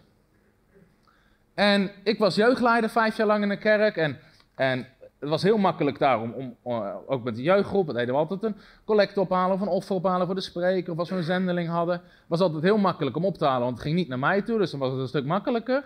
En dus ik, ik, ik zei ja, we moeten zaaien, dan gaan we oogsten, et cetera. En in mijn leven zagen ze dat het werkte, want ik versprak ergens, ik kreeg geld, et cetera. Dus ik zei, ja, we gaan zaaien en oogsten, al die dingen legde ik uit, en ze waren enthousiast en ze gaven, en op een gegeven moment zeiden ze, Tom, het werkt niet. Ik zei, ja, hoe kan dat nou? Het staat in het woord van God. Ik zeg, het werkt bij mij toch ook? Ik zei, ja, maar bij ons werkt het niet. Dus dan ging ik onderzoeken van, ja, we hebben het heel vaak over zaaien, maar hoe moet je nou oogsten? En toen kwam ik erachter, joh, de, en dat is nog steeds een manier van denken die we christenen hebben. Zitten te wachten tot iemand een envelop met geld door een brievenbus heen duwt. Maar dat is de getuigenissen vaak die ze horen van predikers, et cetera. Maar de Bijbel zegt, God zegent het werk van je handen. God zegent wat jij doet. Wat jij doet zal je zegenen. Omdat ik een prediker ben, word ik gezegend als ik spreek. Maar als jij geen prediker bent, komt er waarschijnlijk niet zomaar iemand naar je toe met een envelop met geld. Dus ik ging terug naar mijn jeugdgroep. Ik zei, sorry, ik heb het verkeerd gedaan. Ik zeg, ik heb het verkeerd uitgelegd. Ik zeg, de manier waarop je gaat oogsten, is dat je moet open gaan staan voor creatieve ideeën. Wat kan jij gaan doen om geld te verdienen? Hoe kan, jij, hoe kan God jou gaan zegenen? En weet je, ga God geloven voor promoties op je werk. Misschien kan je iets starten. En we hadden een belachelijk gezegende jeugdgroep op een gegeven moment. Want de een kreeg promotie, de ander kreeg een andere baan. Op die manier gingen ze omhoog. En sommigen startten eigen bedrijfjes. En op die manier begonnen ze hun oogst binnen te halen. Dan kom ik weer bij een hele andere. Uh, Marcus hoofdstuk 4, gaan we nou niet lezen. Maar daar vertelt Jezus een hele bekende gelijkenis. En er staat en de gelijkenis over de zaaier. Nou, ik ga hem wel even lezen, want dan, dan vertel ik hem sowieso goed. Marcus hoofdstuk 4. En dit is Um, Marcus hoofdstuk 4 en dan um, vanaf vers 26. En Jezus zei: Het koninkrijk van God is als iemand die zaad in de aarde werpt. Hij gaat slapen en hij staat weer op. Nou, dat lukt de meeste mensen wel. Um, en dan zegt de Bijbel: De aarde brengt vanzelf de vrucht voort. Eerst de halm, daarna de aarde, na het volle koren in de aarde. En als de vrucht het toelaat, zendt hij meteen de sikkel erin, omdat het oogst is aangebroken. En Ansaan zegt, het koninkrijk van God is als een boer die gaat zaaien. En dan gaat hij slapen. En God geeft de groei. En de boer haalt de oogst binnen. Nou, heel veel christenen die denken dat God de oogst geeft. Maar God geeft niet de oogst, God geeft de mogelijkheden zodat jij kan gaan oogsten. En heel veel mensen zitten te wachten tot er iets gebeurt, terwijl God zit te wachten tot wij iets gaan doen. En zelfs al laat God het manna regenen uit de hemel, en jij zit in je tent te bidden. Ja, heer, hemelse voorziening, hemelse voorziening. Op een gegeven moment moet jij je tent uit om het op te gaan rapen en gaan verzamelen. En heel veel mensen zitten te wachten tot er iets gaat gebeuren. Terwijl God zit te wachten tot zij iets gaan doen waar hij ze mee kan zegenen. En vaak hebben we nog een woestijnmentaliteit. Van kwartels uit de hemel en mannen uit de hemel. Terwijl God zegt: Ik breng je in een beloofde land. Waar alles wat jij doet gezegend gaat worden en vermenigvuldigd gaat worden. Weet je, en er kan best een seizoen zijn in je leven dat je afhankelijk bent van alles wat God geeft. Op die manier maar God wil dat je opgroeit, zodat je voor jezelf kan zorgen en dat Hij dat kan zegenen en kan vermenigvuldigen. Maar wie is er verantwoordelijk om de oogst binnen te halen? Dat zijn wij. Wij zijn verantwoordelijk om de oogst binnen te halen die God klaar heeft liggen. Amen. En dat heeft te maken dus met eigenaarschap. Als we ergens eigenaar over zijn. En ditzelfde zie je in um, in 2 Koningen 4, die gaan we niet lezen, maar er staat het bekende verhaal van die vrouw en haar man en haar kind, of haar man is overleden. Dan gaat ze naar de profeet toe en dan zegt ze tegen de profeet, dan zegt ze ja, uh, mijn man is overleden, de schuldeiser komt, wat moet ik doen? En die profeet zegt verzamel zoveel mogelijk kruiken. En een beetje olie wat je nog hebt, dat moet je gieten in al die kruiken. En dus zij verzamelt van al de buren allemaal lege kruiken. En, en, ze, gaat, en ze pakt een beetje olie en ze begint te stromen. En dan zegt de Bijbel, toen de laatste kruik gevuld was, hield het op met stromen. Daar zit een hele interessante les in. De hoeveelheid van zegen was niet afhankelijk van God. God had kunnen blijven stromen. Het was afhankelijk van de ruimte die zij had gemaakt op aarde. Dus je moet altijd denken, hoe kan ik meer ruimte maken voor de zegen van God? Hoe kan ik meer ruimte maken? Alles wat jij toe-eigent, alles waar je ruimte voor maakt, kan God vermenigvuldigen. En dat is, als je in loondienst werkt, is het heel lastig voor God om je salaris zomaar te vermenigvuldigen. Tenzij je weer in sales zit, et cetera. Maar Arjan heeft bijvoorbeeld een autobedrijf. Uh, Jonathan is betrokken bij een payroll. Weet je, God kan hun klanten vermenigvuldigen. God kan meer mensen sturen. Allerlei dingen kunnen gebeuren. Omdat je eigenaar bent. Als je geen eigenaar bent, zit er altijd een soort van plafond op je leven qua groei. En zelfs in andere dingen, en dit is iets waar je echt over na moet denken, is er moet altijd een volgende stap zijn waar God je in kan zegenen. En ik ga uitleggen wat ik ermee bedoel. Ik zat een boek te lezen van iemand die deed heel veel coaching van bedrijven. En hij vroeg iets van 5000 euro of 10.000 euro om bij, een dag bij een bedrijf te komen. En in zijn hoofd was dat de limit wat mensen ervoor zouden betalen. Weet je, dat was toch echt wel de max. En op een gegeven moment sprak hij een andere ondernemer. En die zei: En wat is de volgende stap? Hij zei: De volgende stap. Weet je, ik vraag al 10.000 euro voor een dag. En uh, en uh, hij zei, maar mensen, weet je, die willen toch? Hij zei, ja. En hij ging constant nadenken, wat is een volgende stap die ik kan zetten? En vandaag coacht hij bedrijven voor 1 miljoen per dag. En er is een wachtrij. Er is een wachtrij. En dan komt hij met een team. En dat. Maar zijn punt, hij zegt, als ik nooit die volgende stap had gezegd, als ik nooit eigenlijk die ruimte had gemaakt, dan kan God hem ook niet vullen. En in dit geval was het een seculier verhaal. Dacht, hé, hey, weet je, wij moeten altijd kijken, hoe kan ik meer ruimte maken? Hoe kan ik ergens vermenigvuldigen? Wat kan ik nog meer doen wat God kan vullen? En dat is in iedere branche. Um, laatst uh, stuurde, Wilber zit hier ergens in de zaal, Wilber werkt, uh, is een van de coaches die bij de school betrokken is. Um, en uh, hij werkt bij bijzonder beheer bij de bank. En laatst ging het over de autobranche. En dan zag je dus de verhoudingen waar wordt geld verdiend in de autobranche. Dat dat bijna niet meer is met het verkopen van auto's, maar de zegen ligt veel meer in het aanbieden van verzekeringen, leasen en dat soort dingen, upgrading. Daar wordt het meeste geld in verdiend. Ze hebben allemaal andere openingen geopend, waardoor ze gezegend kunnen worden. En dus in je bedrijf kan je altijd nadenken, wat kan ik erbij doen, wat kunnen we nog meer doen, waardoor we gezegend gaan worden. Um, dus dat over eigenaarschap. God wil dat we eigenaars zijn. God wil dat we eigenaars zijn. Dus dat is echt voor jezelf een praktische to-do. Hoe kan ik nou meer, um, meer gezegend worden? En wat kunnen wij doen? Welke ruimte kunnen we maken? En het grappige was dus, ik, ik probeer heel veel van dat soort principes, dan, die pas ik dan toe uh, op bediening. Dus, dus wat wij doen met giften, et cetera. Dus ik dacht van ja, wat, wat is nou een volgende stap? Weet je, wat kunnen, wat kunnen wij doen om mensen meer te zegenen? Maar weet je, in zijn geval met die coach waren er mensen die wilden blijkbaar veel meer van hem. Maar hij gaf het niet, dus deden ze het niet. Dus op een gegeven moment ging ik zeggen, wat kunnen wij nou met je? Mensen kunnen donateur worden, mensen kunnen giften geven. En toen dacht ik, weet je wat we gaan doen? We gaan een groep donateurs maken die zeggen, joh, ik wil eigenlijk gewoon 1000 euro of meer per jaar geven. En dan noemen we dan onze 1K club. En iedereen zei, ja, dat werkt niet, dat werkt niet, dat werkt niet. En terwijl mensen zeggen, oh, dat is een gaaf idee, dat vind ik leuk. Dan maak ik een commitment, daar doe ik aan mee. Hey, dan heb ik echt het gevoel dat ik verschil maak. En we hebben die groep geopend en hij begint te vullen.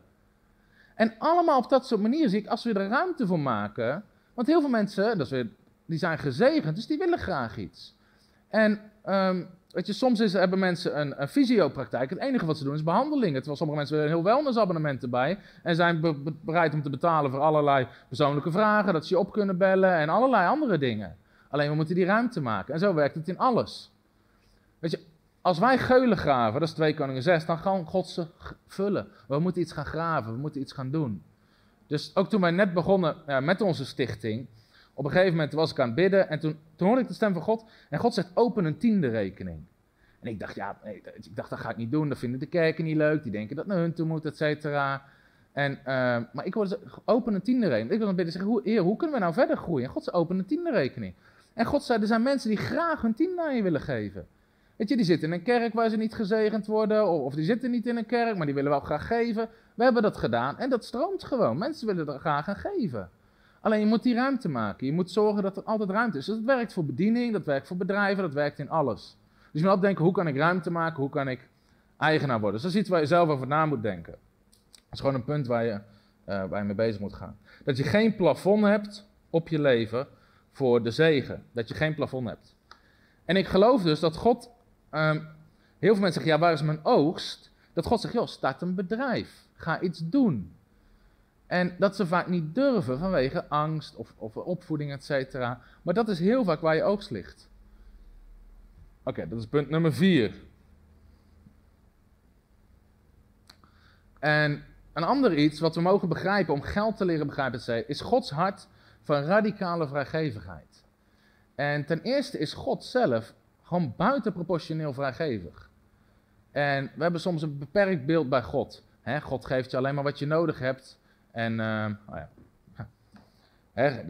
ja, de Heer geeft je alleen maar wat je nodig hebt, niet meer, ons dagelijks brood.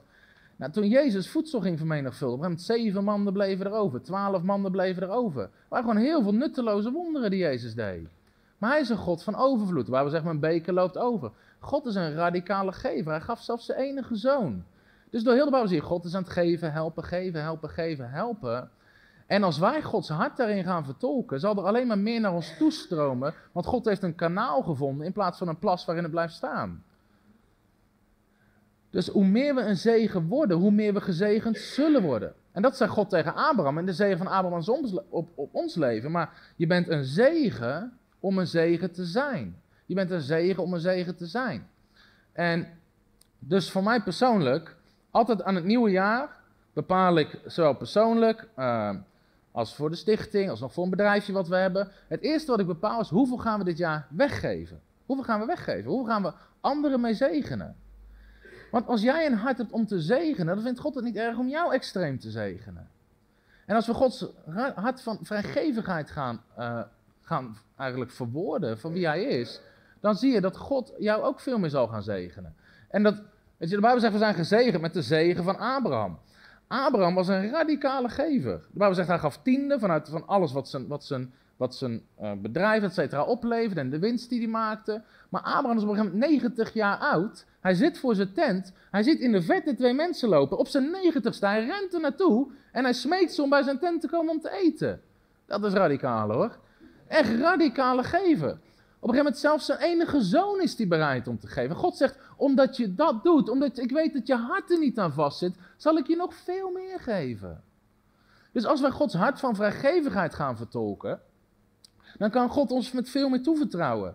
En het grappige was, ik ben, ik ben opgevoed in de traditionele kerk. Dat was, ja, Salomo kreeg zijn geld door zijn wijsheid. God gaf hem wijsheid. Maar dat is niet helemaal waar. Salomo kreeg zijn wijsheid door zijn geld. Want de Bijbel zegt, Salomo had de Heer zo lief dat hij duizend brandoffers bracht en die nacht verscheen de Heer aan hem. En God zegt, vraag wat je maar wilt en ik zal het je geven. En dan zegt hij nou, wijsheid Heer, want ik moet uw volk besturen. En God zegt, ik zal je niet alleen wijsheid geven, maar ik maak je de meest gezegende en rijkste mensen op aarde. Maar het begon met zijn hart van vrijgevigheid. Dat God dacht, weet je, op één brandoffer naar boven, twee, drie. Dat op een God naar beneden kijkt, wie is hier bezig? En Salomo, en hij ziet er nog 900 koeien in die rij staan. Dat, dat is een beetje mijn beeld erbij, hè? Weet je dat het opvalt wat je geeft aan God en hoe je omgaat met... Weet je, de Bijbel zegt in Handelingen 10, toen Cornelius, de allereerste waar het, evangelie naartoe ging voor de heidenen, dan verschijnt er een engel aan hem en die zegt, Cornelius, je gaven zijn opgevallen bij God. Ik weet niet of er wel eens een engel bij jou verschenen is die dat heeft verteld. Maar blijkbaar was Cornelius enorm aan het geven. Dat die engel dacht van ja, nou is het al genoeg, we gaan hem wel vertellen. Oké, weet je, je gebeden zijn verhoord, we gaan het doen voor je. Kijk, en het grappige is altijd, God zit niet te wachten op ons geld, hij zit te wachten op ons hart. Het is echt niet zo dat God bij Salomo dacht, nou ja, dat ik echt nodig joh, nog een brandoffer. Hè? Ik zat al te wachten. God zit uit op ons hart, dus hij ziet nog 900 van die koeien. Hij zegt nou, omdat hij alles wil geven aan mij, zal ik alles geven aan hem. En God is heel vaak, hij zit vaak achter ons hart aan. Hij zit achter ons hart aan. En Jezus geeft totaal ander onderwijs over geld als vaak. Jezus zegt, waar je schat is, daar is je hart. In Matthäus 6, waar jij jouw schat plaatst, daar zal je hart zijn. Terwijl wij zeggen vaak, nee, waar je van houdt, daar geef je aan. En dat is ergens zo. Maar Jezus zegt het ook andersom. Hij zegt, als je ergens meer van wil gaan houden, zal je er meer aan moeten geven. En dit zie je zelfs met ouders en kinderen. Wie heeft de kinderen hier? Heel vaak is het zo dat jij houdt meer van je kinderen stiekem dan je kinderen van jou. Of heb je dat gerealiseerd bij je eigen ouders? Toch? Dat je op een uit huis was en je kreeg je eigen kinderen dacht, oh, heb ik mijn ouders vroeger behandeld? Want je doet alles voor ze. Je geeft ze alles, alle tijd, alle aandacht. Maar omdat je zoveel aan ze geeft, ga je meer van ze houden. En dus God, is, God heeft een hart van radicale vrijgevigheid. En, um, en als wij dat vertegenwoordigen, heeft God er geen probleem mee om ons veel meer te geven. En dat vind ik zo leuk aan, aan God, is dat bijvoorbeeld in Genesis hoofdstuk 12 zegt God tegen Abraham, laat alles achter je en volg mij. Nou, als iemand vandaag tegen, tegen je buurman of je buurvrouw zegt, joh, ik laat alles achter me en ik volg de Heer, dan zeggen ze, nou, daar gaat hij hoor, die wordt arm. Die zien we nooit meer terug. Toch? Dat is eigenlijk hoe wij er tegenaan. Ik zeg, joh, ik ga helemaal achter de Heer aan, ik ga bijbelschool doen. Dan zeggen nou, weer een arme sloeber, die zit volgende week onder de brug. Maar wat God wat tegen Abraham zei, God zei, laat alles achter je, volg mij. Het hoofdstuk later. En Abraham was zeer rijk in zilver, goud, etc. Speciaal voor een paar kerken die niet in voorspoed geloven, zegt God er nog bij in zilver en goud. Want dan mensen zeggen, ja, dat is geestelijk. Nee, Abraham had geen geestelijk goud, hij had geen geestelijk zilver. Hij was gewoon enorm gezegend. Maar als God iets van je vraagt, is het nooit om je naar beneden te halen, maar altijd om je verder te brengen. En dat zie je dus met alles. God zegt, breng al je tienden naar mijn, naar mijn, uh, naar mijn voorraadhuis, zodat ik je kan zegenen. En je zal geen plek meer hebben voor de zegen. En zo vaak pakken wij Gods hart niet. Om mensen zeggen, ja, maar ze zijn uit op mijn geld. God zit niet te wachten op je geld. Jouw geld maakt helemaal geen verschil voor God. Hij zit te wachten op je hart. En als jouw hart verandert, zal jouw hart wel verschil maken in jouw leven. Weet je, hij zit altijd achter je hart aan. Hij zit altijd achter je hart aan. En het, het grappige is dus, eh, ik zat te studeren over hoe Joden denken over geld. En op een gegeven moment was een seculiere Jood. Hij, was niet, man- geloofde eigenlijk helemaal niet in God, maar hij was gewoon vanuit zijn identiteit Joods. En hij onderwijst over tiende geven. Dus ik denk, ja, wat is daar nou weer de logica van? Hè? Je bouwt het koninkrijk niet. Hij zegt, joh, ik hou van geven en tiende geven. Hij zegt, want het helpt me zo in mijn leven. Want als ik anderen begin te zegenen, dan, dan voel ik me gewoon gezegend. En als ik dat uitstraal, trek ik het ook veel meer naar me toe. Hij zegt, want je haalt een armoedementaliteit dat je denkt van alles is voor mij. In plaats daarvan pak je een mentaliteit, joh, ik heb meer dan genoeg, ik kan anderen zegenen. En mensen proeven dat. Mensen proeven of dat je een nemer bent of een gever. En met nemers willen ze niet samenwerken, met gevers wel. En het is echt iets wat je proeft. Denk maar aan de mensen die de meeste impact hebben gemaakt op je leven. Waren dat gevers of waren dat nemers? Dat zijn altijd gevers. En mensen proeven dat. Dus hij zegt, joh, zelfs, eh, ik geloof niet in God, maar ik geloof in tiende. Ik geloof in geven, zegt hij. Want het verandert mij ook. En hij zegt, het maakt veel makkelijker voor mij om te beginnen met investeren in dingen, want ik zit niet zo aan geld vast. Dus ik ben niet bang om geld uit te geven of eruit laten stromen. Dus het maakt het veel makkelijker om te beginnen met investeren, risico's te nemen, projecten op te zetten. En weet je, hij zegt, je voelt je gewoon rijker en daardoor trek je het ook naar je toe. En ik geloof echt dat, dat we daar ook iets in mogen leren van Gods radicale hart eh, van vrijgevigheid.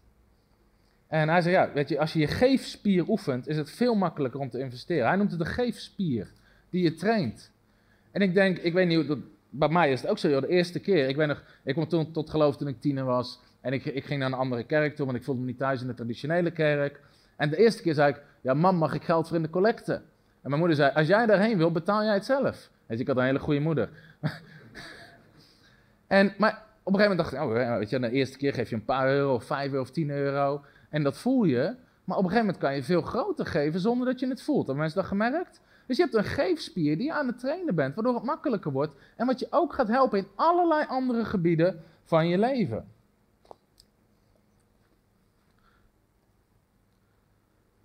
Dit helpt ook om, om Gods hart. Dus God is een gever en God wil dat zijn kinderen rijk zijn. En als je hierover praat, dan word je bijna afgeschoten.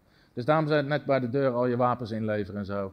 Omdat uh, we moeten de seminar afmaken. Maar weet je, en ten diepste, God wil dat zijn kinderen rijk zijn. En, en ik gebruik even het woord rijk expres om iets te confronteren bij mensen. Want heel mensen zeggen, ja nee, de Heer wil dat je net genoeg hebt.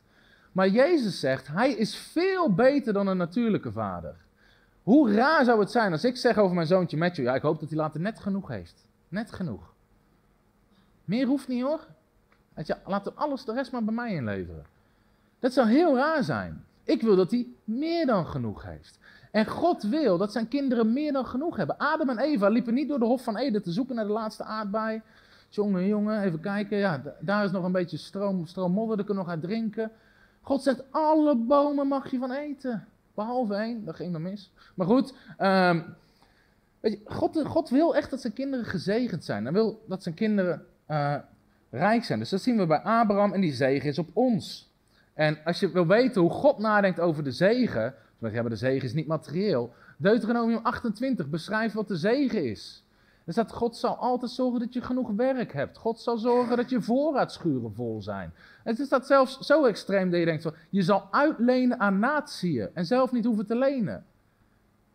Het is heel extreem hoe God daarover denkt. En dat is de zegen volgens God. En dat is de zegen van Abraham die op alle gelovigen is. En sterker nog, waarom zegt hij Galaten hoofdstuk 3, dus ik geef je allemaal teksten, dus je kan hem terugluisteren. Maar dat Jezus heeft de vloek gedragen aan het kruis. Jezus heeft de vloek gedragen aan het kruis. Als je leest wat de vloek was, het allereerste wat gebeurde door de vloek was ellende en armoede. Dus ook het tweede gedeelte van Deuteronomium 28 beschrijft de vloek. En een heel groot gedeelte dat heeft te maken met financieel tekort, ellende en armoede. Maar Jezus heeft dat gedragen aan het kruis. Weet je, toen Jezus de mens herstelde, heeft hij de mens ook daadwerkelijk hersteld. Niet alleen vergeven, maar hij heeft het verzoend met God. Ons teruggebracht bij een vader waar altijd genoeg is. En dat is wat Jezus deed aan het kruis. En dit is een tekst, ik heb hem niet op de bier, maar denk misschien wel. Even kijken hoor. Abraham, ah hier. God zegt, ik wil je zo zegenen, Deuteronomium 28 vers 10, dat alle mensen zullen zien dat jij gezegend bent door mij. Dus God wil eigenlijk heel graag opscheppen door jou. Is dat leuk of niet? En mensen zeggen, ja, hoe kan dat nou? Zeg, maar dat, dat doet God. Dat doet God.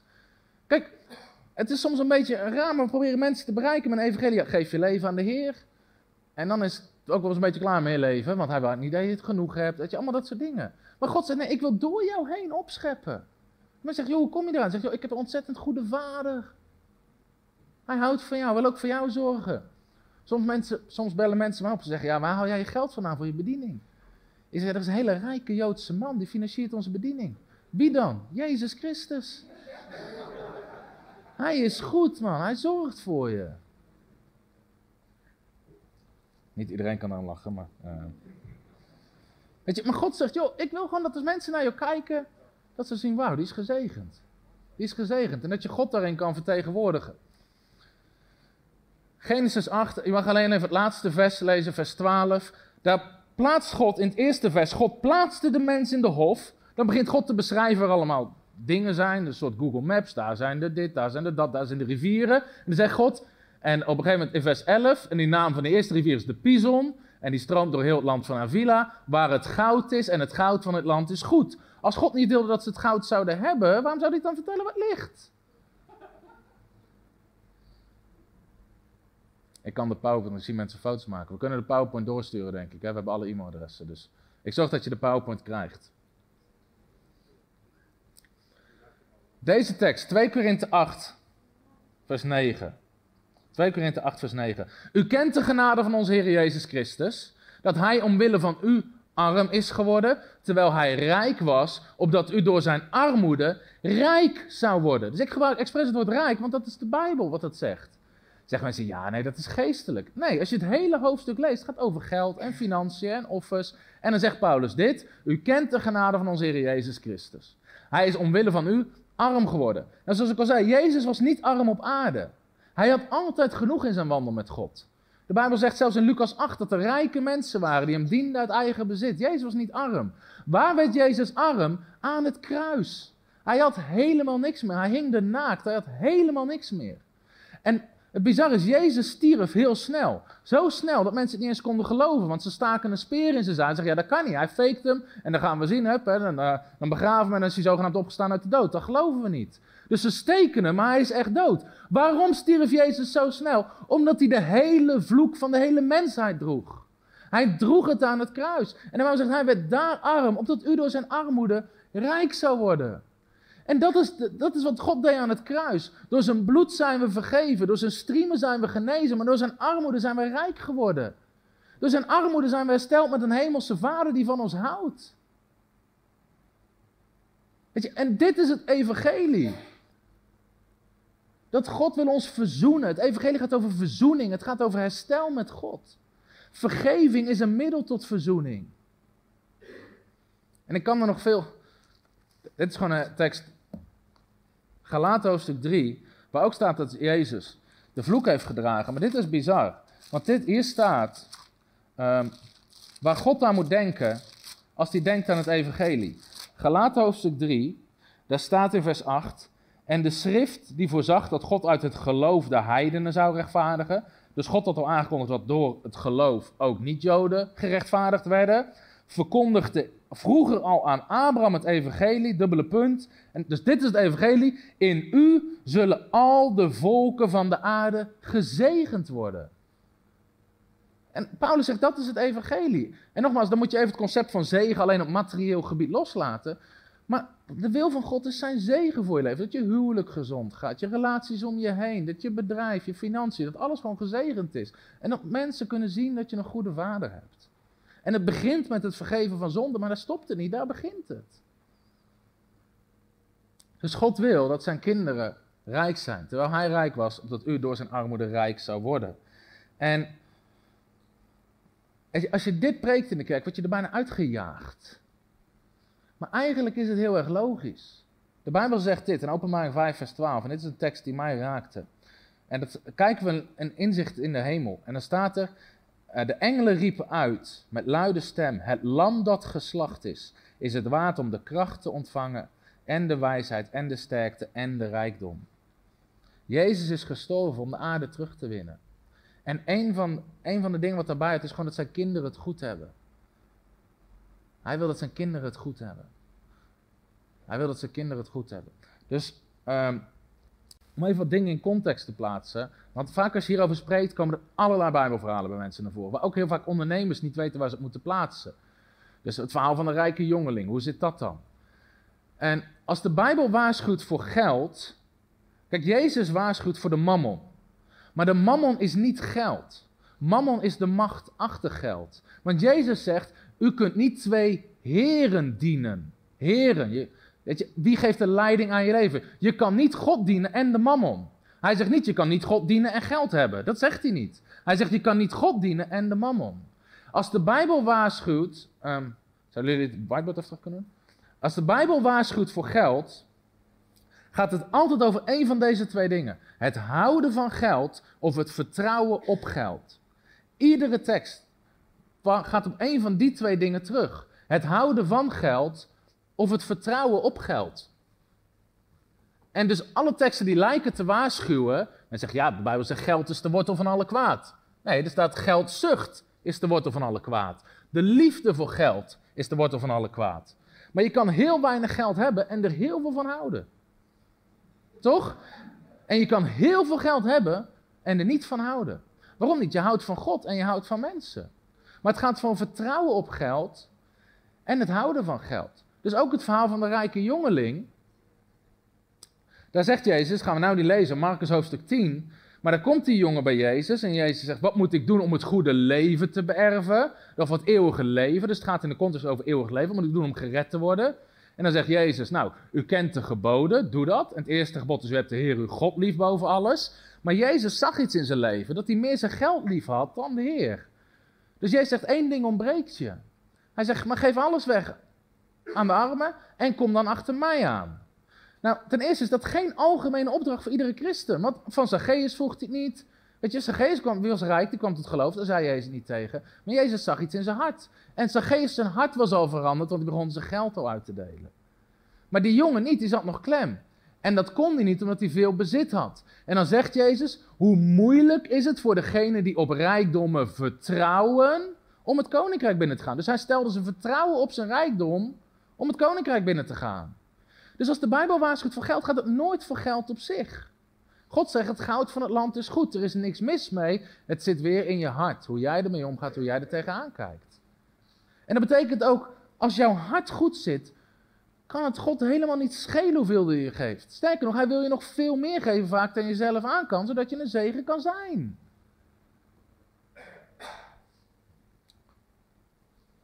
Dus het gaat altijd om vertrouwen op geld en het houden van geld. Dus het gaat om heren dienen. En hetzelfde is dus, ik zal even tekenen, Matthäus hoofdstuk 6. Dat is zo'n verhaal, dat is zo'n bijbeltekst waar heel veel vragen altijd over zijn. Jezus zegt dan, verzamel geen schatten op aarde. Nou, wie heeft die wel eens naar zijn hoofd gekregen? Verzamel geen schatten op aarde, broer. Maar in de hemel, zegt Jezus dan. En dan zegt hij ook, uh, maak je geen zorgen. Maak je geen zorgen. En dan spreekt hij over de heidenen. Hij zegt, ja, maar niet de dingen die de heidenen verlangen. En dan zegt hij over schatten, geld, um, huizen, kleding. Maak je over dat soort dingen. Weet je, daar moet je niet naar verlangen, zegt Jezus. Want u weet dat uw hemelse vader voor u zorgt. Maar wat zegt hij aan het eind van het hoofdstuk, Matthäus 6, vers 33? Wie kent hem uit zijn hoofd? Zoek eerst het koninkrijk van God nou, wat is het koninkrijk? Het koninkrijk van God is de heerschappij van God. Dat is er nu al. Zoek eerst het koninkrijk. Want als het er nou niet zou zijn, zou het heel oneerlijk zijn als Jezus zegt dat ik moet zoeken. Want dat ga je nooit vinden. Dus Jezus zegt, zoek eerst het koninkrijk van God. Zoek eerst Gods heerschappij, want dan pakt hij terug op de mammon. De Heere, wie dien je? Zoek eerst Gods heerschappij is God Heer over je leven en zijn gerechtigheid zorgt dat je hart goed is. En wat doet God dan? Hij zal al het andere erbij geven. Nou, wat is al dat andere? Die schatten, dat je geen zorgen hoeft maken, dingen die de heidenen verlangen. Jij zegt over dat, al het andere geeft God je erbij. Is geen probleem als jouw hart goed zit en je de Heer dient. Dat is waar het hoofdstuk over gaat. En zo vaak zijn ondernemers hiermee doodgeslagen. Verzamel geen schatten op aarde. God is niet tegen voorraadschuur, want hij zegt: Als je mij zegent en mijn huis zegent, zal ik je voorraadschuur overvullen zodat je geen ruimte meer hebt. Als God tegen voorraadschuren was en tegen sparen en geld hebben, zou hij dat niet zeggen. En dit zijn heel veel dingen die tegen ondernemers worden aangegooid, waardoor ze zich schamen voor wat ze hebben, terwijl het volledig de plank mist. Helpt dit iemand een beetje? Om dingen in perspectief te plaatsen. Ik geloof dus dat, dat leer over dat we arm moeten zijn, dat dat valse leer is. Want de duivel heeft niks liever dan een kerk en een volk van God wat arm is. Niks liever. Want als we arm zijn, hebben we geen invloed. De Bijbel zegt in Prediker: er was een man in een stad. Toen de stad belegerd had, hij had de wijsheid om de stad te redden, maar er luisterde niemand naar hem, want het was een arme man. Naar wie wordt er geluisterd in Nederland? Naar de armen of naar de rijken? Wie bepalen het beleid, de armen of de rijken? Het zijn de mensen met geld en invloed die bepalen hoe, hoe, hoe, hoe steden en landen bestuurd worden. Maar ik geloof dat God wil zijn kinderen daar brengen op posities van autoriteit. Dat we invloed hebben. Dat we invloed hebben. En voor invloed heb je altijd geld nodig. Heb je altijd dingen nodig om het te vermenigvuldigen. Dus de duivel heeft niks liever dan een arme kerk en arme christenen. Als we arm zouden zijn, hadden we dit gebouw niet kunnen hebben, had je hier niet kunnen komen, hadden we geen whiteboard gehad, hadden we niks gehad. Prijs de Heer. Maar dat je, omdat, je, omdat je geld hebt, kan je een hele grote zegen zijn. En dat is, weet je, christenen zeggen vaak, als er geld wordt gevraagd voor een conferentie, ja, het evangelie moet gratis zijn. Ja, om te brengen. Of tenminste om te horen. Maar om te brengen kost het wat. Hetzelfde, ja, het evangelie moet gratis zijn. Weet je, en dan ga je naar Afrika toe en dan, weet je, je moet tickets, je moet dingen regelen, je moet allerlei dingen. En dat geldt met alles zo. Dus we moeten hier anders over gaan denken. Hoe meer we hebben, hoe meer invloed we kunnen hebben, hoe meer we een zegen kunnen zijn. Hoe meer we aan Gods koninkrijk kunnen bouwen hier op aarde. Weet je, en ik zie uit naar de tijd dat gewoon de beste gebouwen in Nederland gewoon voor het koninkrijk zijn. De mooiste kerken, mooiste bediening, televisiestudio's om christelijke programma's uit te zenden. En heel vaak zeggen, ja, wij hebben het wijsheid in het woord van God. Bijvoorbeeld over huwelijk. Weet je, we zouden alle huwelijken kunnen redden in Nederland. Of we zouden mensen. Weet je, we kunnen het wel hebben, maar als we geen middelen hebben om het te verspreiden, kunnen we er niks mee. Daar zitten we klem. Dus de duivel wil niks liever dan een arme kerk. Zijn bloed bracht ons vergeving, zijn striemen bracht ons genezing, zijn armoede bracht ons rijkdom. Want het lam is waard om alles te ontvangen. Oké, dit is een ander. Dit is. We gaan even door naar het volgende punt. Dit is hoe God tegen geld aankijkt. Geld is ongelimiteerd beschikbaar. Hij mag blijven staan. Hij mag blijven staan. Thanks. En dit is iets waar we heel vaak ons denken over, over moeten vernieuwen. Geld is ongelimiteerd beschikbaar.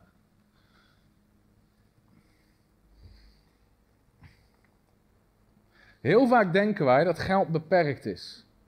Dat vermogen beperkt is. Dus als je het uitgeeft, is het weg. Of als het... Alleen God zegt, nee, geld is onbeperkt beschikbaar. En Deuteronomium 8, vers 18 zegt, u moet de Heer uw God in gedachten houden. Zie, het gaat weer om je hart. Hou God in gedachten. Dat Hij het is die u kracht geeft.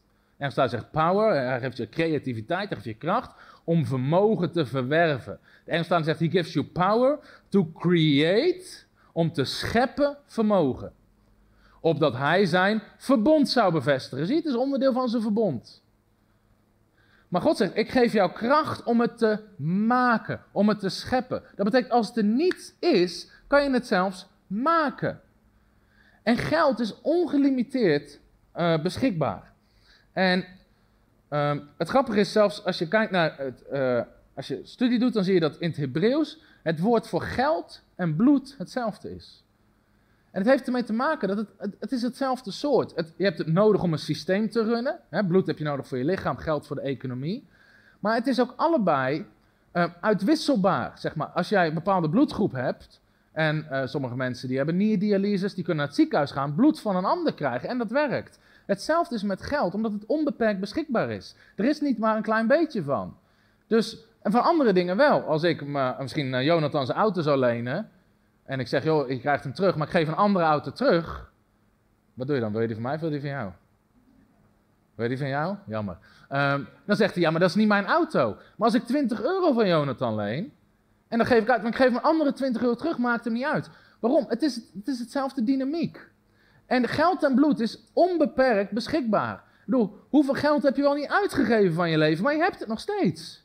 Waarom? Het kan blijven komen, het kan blijven stromen.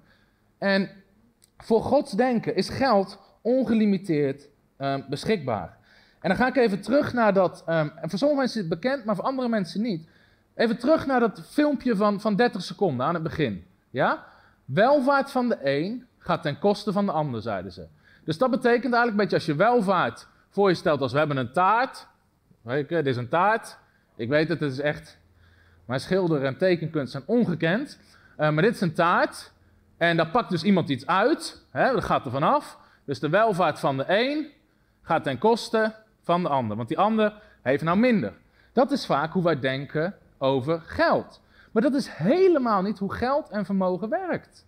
Want wat God eigenlijk zegt, hey, het is onbeperkt beschikbaar en zo werkt het ook. Dus we hebben een taart en, mag ik even een heel praktisch voorbeeld. Um, Kortie werkt bij ons, bij Frontrunners. Dus Kortie krijgt iedere maand salaris, dus die pakt eigenlijk een stuk uit die taart. Maar is mijn taart nou minder groot geworden? Nee, want wat hij doet, dat geeft meerwaarde aan wat wij doen, waardoor onze taart niet kleiner wordt, maar onze taart wordt groter. Want hij heeft frontrunners meer waard gemaakt. We kunnen meer doen door zijn hulp, dus er komt meer binnen, dus de taart is groter geworden in plaats van kleiner. En dat betekent dat zowel korter beter van is geworden als ik. En dat is Gods idee van welvaart. Welvaart wordt niet gedeeld, welvaart wordt vermenigvuldigd. Welvaart wordt nooit gedeeld, welvaart wordt vermenigvuldigd. Jezus sprak over de vermenigvuldiging van geld. En heel vaak denken we dat, dat geld gedeeld wordt. En daarom zeggen mensen, ja, als je al het geld nou op de wereld eerlijk verdeelt. Maar weet je wat het is? De, de, de armen kunnen nu rijker worden zonder dat de rijken armer worden. De armen kunnen nu rijker worden zonder dat de uh, rijken armer worden. Want geld wordt vermenigvuldigd. Het is onbeperkt beschikbaar, het wordt niet gedeeld. En dus het is geen beperkt middel. En dus je taart, die groeit. En zo werkt het hetzelfde met je bedrijf. Als jij iemand aanneemt, je neemt een verkoper in dienst, ja, hij pakt van jouw geld, want jij geeft hem een salaris, maar je gaat meer verkopen, dus de taart wordt groter. En uiteindelijk is iedereen geholpen. En het helpt ons om te denken dat geld niet beperkt is. Geld is geen beperkt middel. Dus er is ook eh, in het zaak, er is geen reden voor jaloezie. Kijk, Arjan heeft een autobedrijf. Als iemand een auto koopt bij de concurrent, dan maakt niks uit, want dan kan nog steeds iemand een auto kopen bij hem. Geld is onbeperkt beschikbaar en wordt vermenigvuldigd.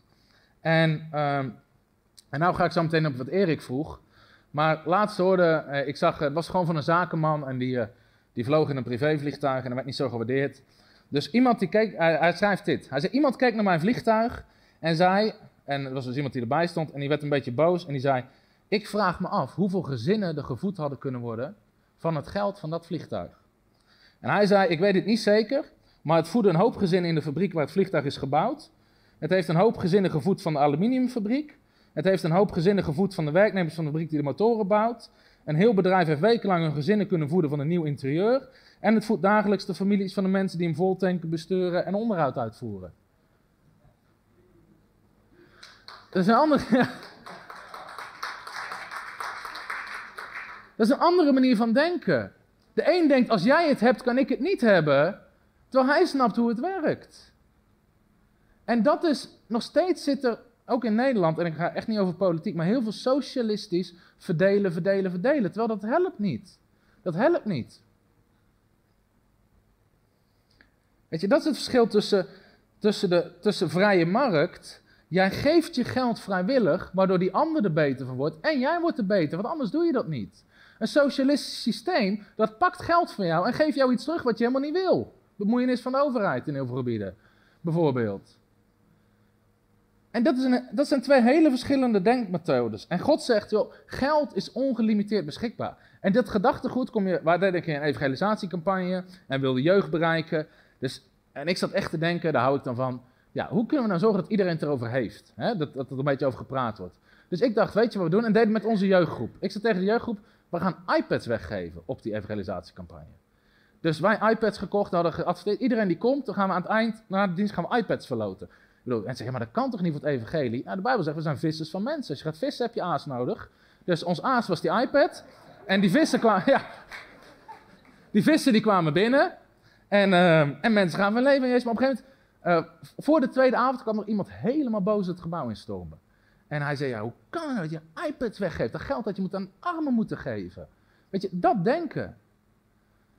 En het waarde is, ik kan twee iPads weggeven op een, op een avond en, het, en geld aan de armen geven.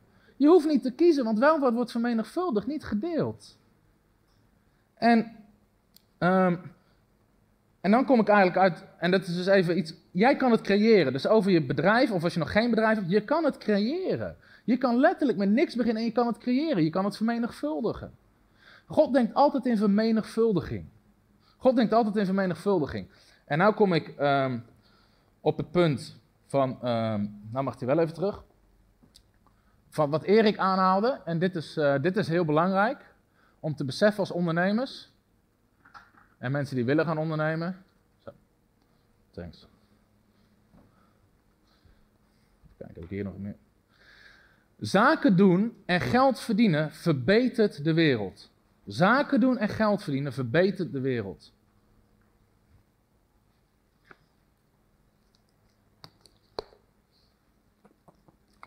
Zelfs in de gelijkenis van de barmhartige Samaritaan zegt Jezus, en hij betaalde al zijn rekeningen van het hotel waar hij naartoe bracht. Dus als die man geen geld had, had hij die man niet kunnen helpen. Uh, Job, Abraham, waren allemaal wereldverbeteraars. Door het vermogen wat ze hadden. Nou, ik heb hier even een, grafiekje. En dit is heel interessant. Uh, ik zal eerst uitleggen wat over gaat. Dus zometeen komt er een grafiek in beeld. En eigenlijk heeft de, heeft de aarde vrij lang gefunctioneerd, niet in een vrije marktsysteem, niet in een onderneemssysteem. Dus heel lang was het gewoon de koning heerste over het land, iedereen kreeg een stuk grond, maar dat bleef in bezit van de koning, daar moest je voor werken en een beetje landbouw, et cetera. Op een gegeven moment veranderde dat door de industriële revolutie, waarin er een vrije markt komt, mensen kunnen gaan ondernemen, bedrijven opzetten, et cetera. Nou, heel vaak, ik weet niet, um, wie kan zich nog herinneren dat je les hebt gehad over de industriële revolutie op, de, op, op school? zie je ook nog die plaatjes van die arme mensen voor je, die helemaal werden uitgebuit door die fabriekseigenaren. Dat is toch het beeld. De rijke mensen begonnen fabrieken en al die arme mensen moesten daar werken en uit. Man, man, man, het was één grote hoop ellende. En dat is een leugen van een sociaal systeem die dacht de rijken zijn daar rijker door geworden, maar de armen armer door geworden. Maar moet je kijken waar wij vandaag de dag zitten. Zijn we allemaal landbouwers? Hebben we allemaal een stukje grond en moeten we het afstaan naar de koning? Nee, we zijn allemaal voorspoedig geworden door dat systeem. En dit is in de wereld sinds de intrede een beetje van de, uh, even kijken hoor, van de revolutie, van de industriële revolutie en sinds de uh, vrije marktwerking. Dus hier zie je uh, ongeveer wat mensen te besteden hadden in een land en wat er gebeurde sinds de vrije marktwerking en de industriële revolutie per wereldgebied. Dus zelfs in Afrika moet je kijken hoeveel dat vermenigvuldigd is ten opzichte van 200 jaar geleden. En niet te spreken over West-Europa, Amerika, etc. Dit is een toename in vermogen en geld wat de gemiddelde persoon heeft. Door de vrije marktwerking. Door ondernemers. Door mensen die bedrijven starten. Door mensen die geld hebben vermenigvuldigd in plaats van gedeeld. En dit is ook een hele bekende opdracht van Jezus. Voed de hongerige, kleed de naakte. En weet je, wij zijn zelf ook, wij, steunen Compassion, ik geloof erin, nogmaals, we komen net terug uit Afrika, we doen daar heel veel in. Maar er is er nog een andere manier om hongerigen te voeden en naakten te kleden dan door ze geld te geven. Dat is door bedrijven te starten. Wat heeft ondernemen en de vrije markt gedaan? Dit is heel interessant. Dit is echt mindblowing. Nog maar 200 jaar geleden leefde 85% van de gehele mensheid in extreme armoede. Minder dan 1 dollar per dag. Dat getal is nu nog maar 15%.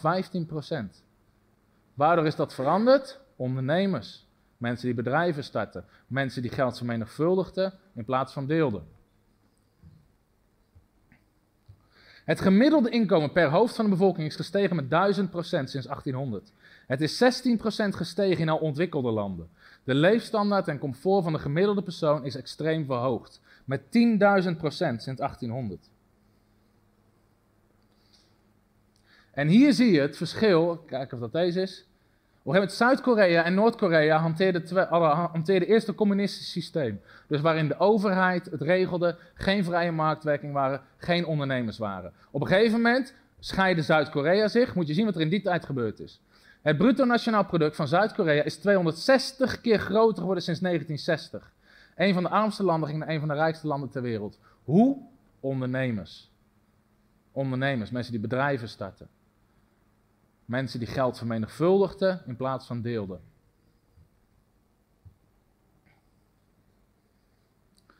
Duizenden jaren lang groeide de populatie van mensen extreem laag. En stierven ontzettend veel mensen aan allerlei ziektes en plagen. In 1804 waren er meer dan een miljard mensen. En door de ontwikkeling van de vrije markt en kapitalisme zijn er nu 7 miljard mensen. Waarom is de wereldbevolking zo ontzettend hard gegroeid de laatste 200 jaar? Omdat mensen gezonder worden, omdat mensen langer leven. Aan wie is dat te danken? Niet aan de overheid, aan ondernemers. Waarom is jouw leven comfortabel? Waarom rij je in een auto? Die heeft Mark Rutte niet gemaakt, die heeft een ondernemer gemaakt. Ondernemers verbeteren de wereld. Ondernemers zijn wereldverbeteraars. En weet je, hetzelfde zie je met medicijnen. Waarom zijn zoveel bedrijven bezig om medicijnen te maken? Omdat ze er geld aan kunnen verdienen. Maar dat maakt niet uit, want iedereen wordt erdoor geholpen. En daardoor leven mensen langer. Dus met, dat zie je met allerlei dingen. Alle uitvindingen die, die je om je heen ziet, zijn gevolg van bedrijven, van ondernemers die, wereld, die de wereld verbeteren. Dus ondernemers hebben voorspoed gecreëerd voor miljarden mensen op deze wereld. Meer dan compassion. En nogmaals, ik geloof in compassion. Maar dit is even om iets in een ander daglicht te zetten. Ontwikkelingen in sanitair, medicatie, agrarische producten worden allemaal gemaakt door bedrijven. En zelfs als het geregeld wordt door non-profits, door foundations, door stichtingen, door wie worden die gefinancierd? Door de bedrijven. En als het wordt gefinancierd door de particulieren, door wie worden die betaald? Door de bedrijven. Door ondernemers. In de laatste 200 jaar is de gemiddelde levensverwachting gestegen naar 86 jaar. Daarvoor was het gemiddeld 30 jaar. Was de gemiddelde levensverwachting. En je herinnert vast wel, het was weer de plaag en dan was er weer dit en dan was er weer dat en mensen stierven massaal. En, en als wij horen op het nieuws, ik, dus ik kom net terug uit Burundi, 10 kilometer van waar wij waren was er een ebola-plaag. En ondanks dat dat verschrikkelijk is, is er zoveel meteen medische hulpbedrijven en dingen die erop inspringen, dat het beperkt is. Ja, er sterven nog steeds mensen. Maar het is niet meer te vergelijken met vroeger, waar in één keer bijna de hele bevolking weg was.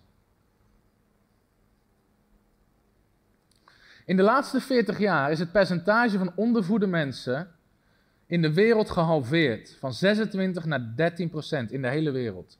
Als deze trend zich zo doorzet, kunnen we alle honger uit de wereld uitroeien.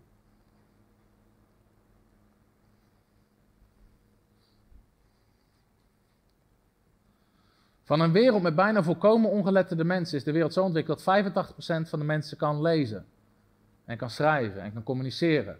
Waarmee heeft dat te maken? Weer met ondernemers die dat vragen als eis voor bedrijven om mee te communiceren, om mee te werken. Dus mensen worden hier enorm in gestimuleerd.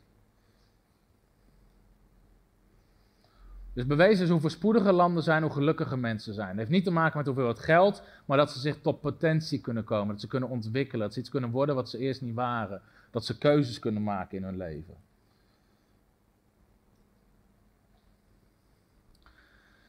Dus, als het gaat om ondernemen, ondernemen is geen noodzakelijk kwaad. Zo wordt het tegenaan. Ondernemen nee, het is noodzakelijk om het kwaad uit de wereld te halen. Ondernemen is geen noodzakelijk kwaad. Het is noodzakelijk om het kwaad uit de wereld te halen. Zoals armoede. En ik heb dat gebeurt niet door te bidden. Dat gebeurt door ondernemers. Ondernemen heeft meer mensen uit armoede gehaald dan wie of wat dan ook. Dus ondernemers zijn enorme helden, want over heel de wereld worden mensen uit armoede getrokken. Omdat zij risico's durven te nemen, omdat zij dingen stappen durven te zetten, omdat zij durven te investeren. Dus nogmaals, kapitalisme en zo is niet, is niet perfect, maar het is een systeem wat werkt en wat enorm helpt.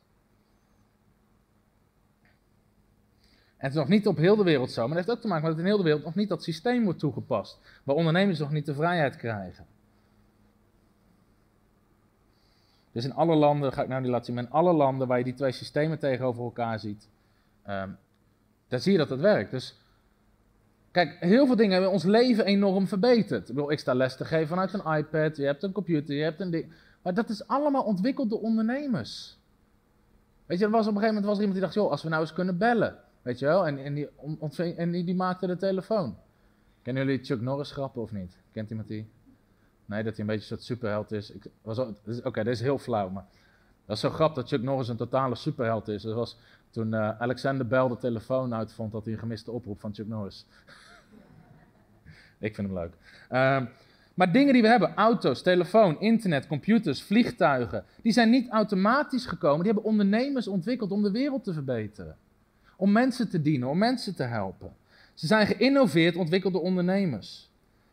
En um, ja, daar worden ze zelf beter van, maar dat maakt hun daad niet slechter. En dat zie je, kijk bijvoorbeeld met, um, met Bill Gates. Um, die, die houdt trouwens heel veel van zijn vermogen weggeeft.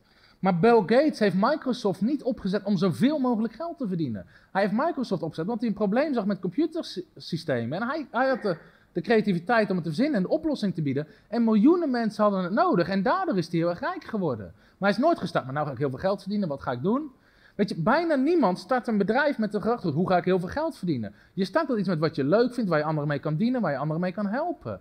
Dat is de manier waarop je een bedrijf start. En als je anderen ermee kan helpen, zijn anderen er bereid om voor te betalen, kun jij er geld aan verdienen en de taart wordt groter. Dus als als het gaat in de kerk, christelijke wereld, weet je, en sowieso in de wereld. Moeder Teresa is een van de bekendste weet je, engelen op deze wereld. Nou, wie heeft er meer mensen geholpen? Moeder Teresa of Bill Gates? Wie is er hier persoonlijk geholpen door Moeder Teresa? Wie heeft er hier gebruik gemaakt van Bill Gates? Of van Microsoft, van, uh, van uh, allerlei dingen op je computer? Bill Gates heeft je leven beter gemaakt. Hij gezorgd dat jij kon computeren, kon mailen, dat je kon solliciteren, dat soort dingen. Dus, um, dus Bill Gates heeft, heeft, je, heeft je leven verbeterd. Hij je geholpen misschien op school met computers. Weet je, door, door hem kon je bij wijze je school afmaken. En daarmee wil ik niet afdoen wat, wat moeder Teresa heeft gedaan. Die heeft ook mensen uit armoede gehaald. Maar weet je, wij vinden het een beter dan het ander, omdat we denken dat het ene geestelijk is en het andere niet. Maar dat is totaal niet hoe het werkt. We zijn allemaal bezig om de aarde te verbeteren, om de wereld beter te maken. En vaak is dus omdat we, we vinden iets fout, of we, vinden hebben er minder gevoel bij, omdat Bill Gates er zelf beter van is geworden. Maar dat is juist het mooiste wat er is, als je win-win situaties hebt. Jij wordt er beter van, hij wordt er beter van. Dat is het mooiste systeem wat er is. Want dat is Gods systeem. Win-win situatie, dat iedereen er beter van wordt. Dat is de manier waarop God denkt. Dus bedrijven veranderen onze maatschappij in positieve zin. Dus even terugkomen op Erik. Ik zeg dus niet dat het verkeerd is om werknemer te zijn, helemaal niet.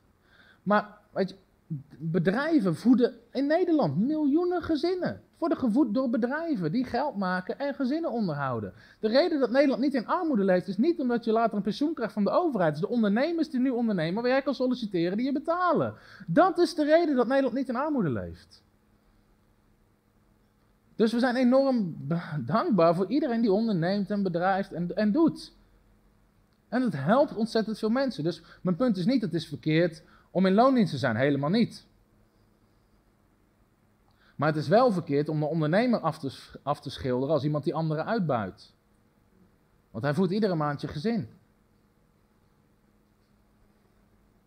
Dus ondernemen is geen noodzakelijk kwaad. Het is noodzakelijk om kwaad uit de wereld te halen. En nogmaals, compassion, die mensen uit armoede haalt, zijn helden. Maar ieder ondernemer die gezinnen voedt en een product in de markt zet, levens verbetert, is ook een held.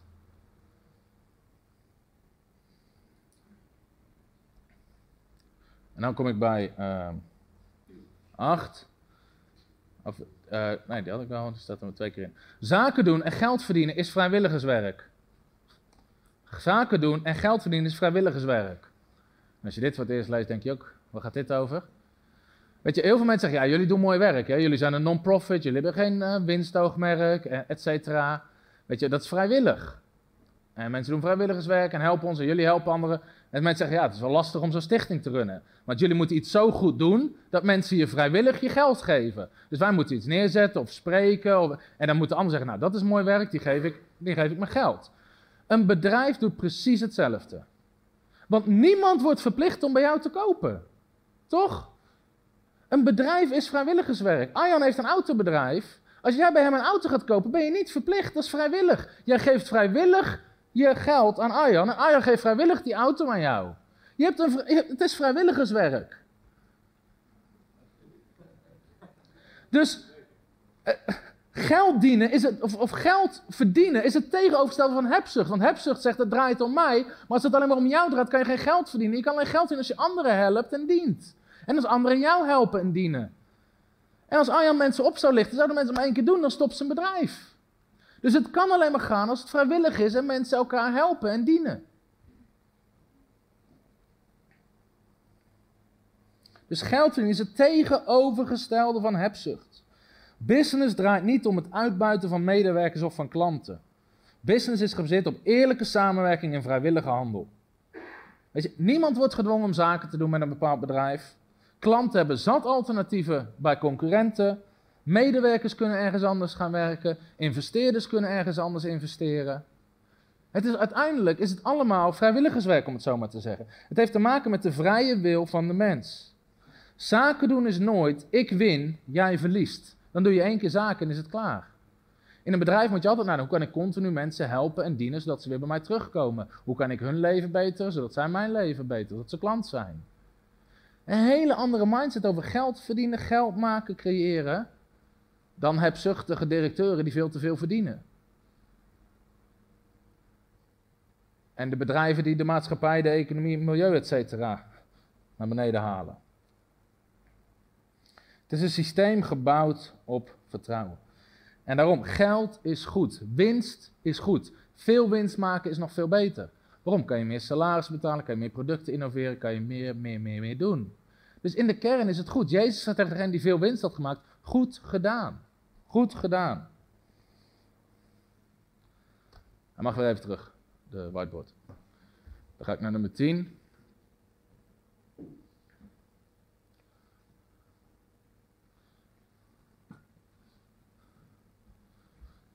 En dus geld verdienen, geld maken, is in de kern vrijwilligerswerk.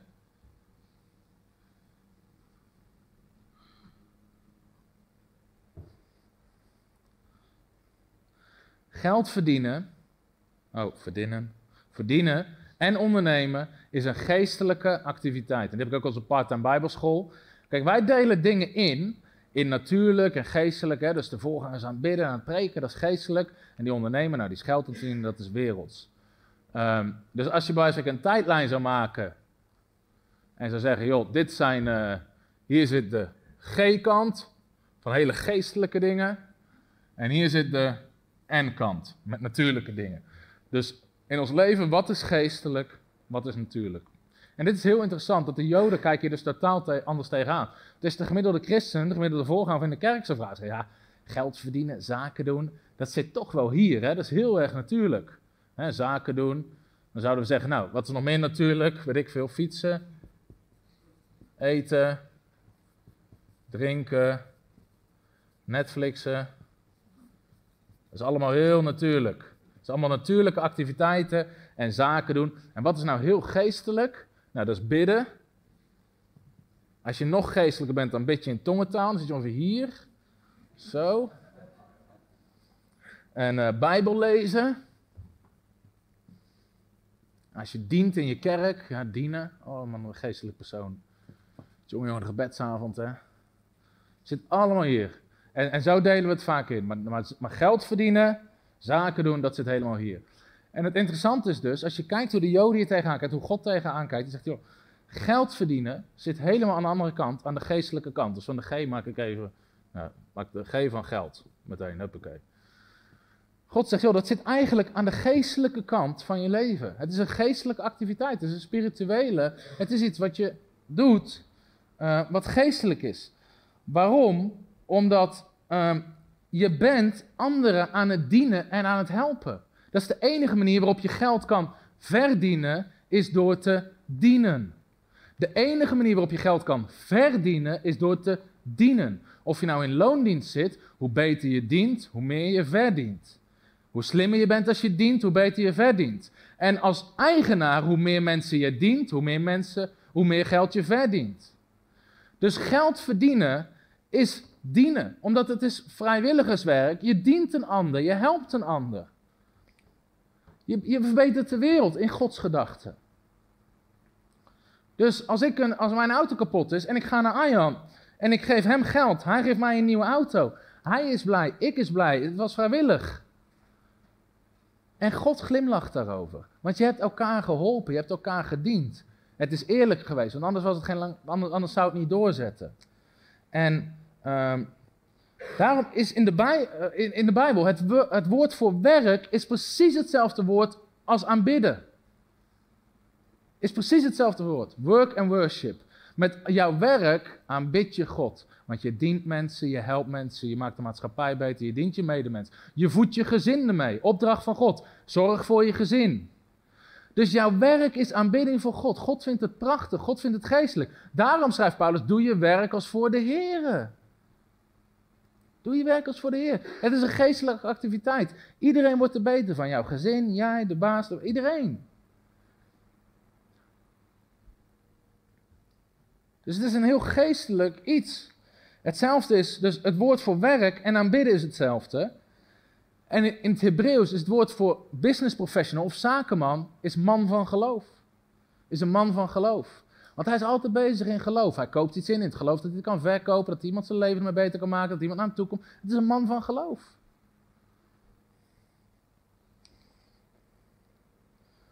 En het gaat dus alleen maar door relatie. Het gaat alleen maar door relatie.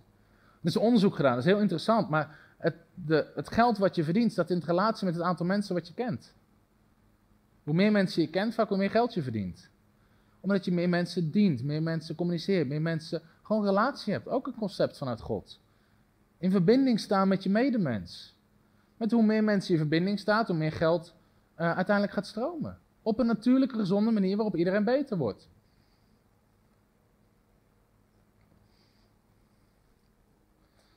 Oké.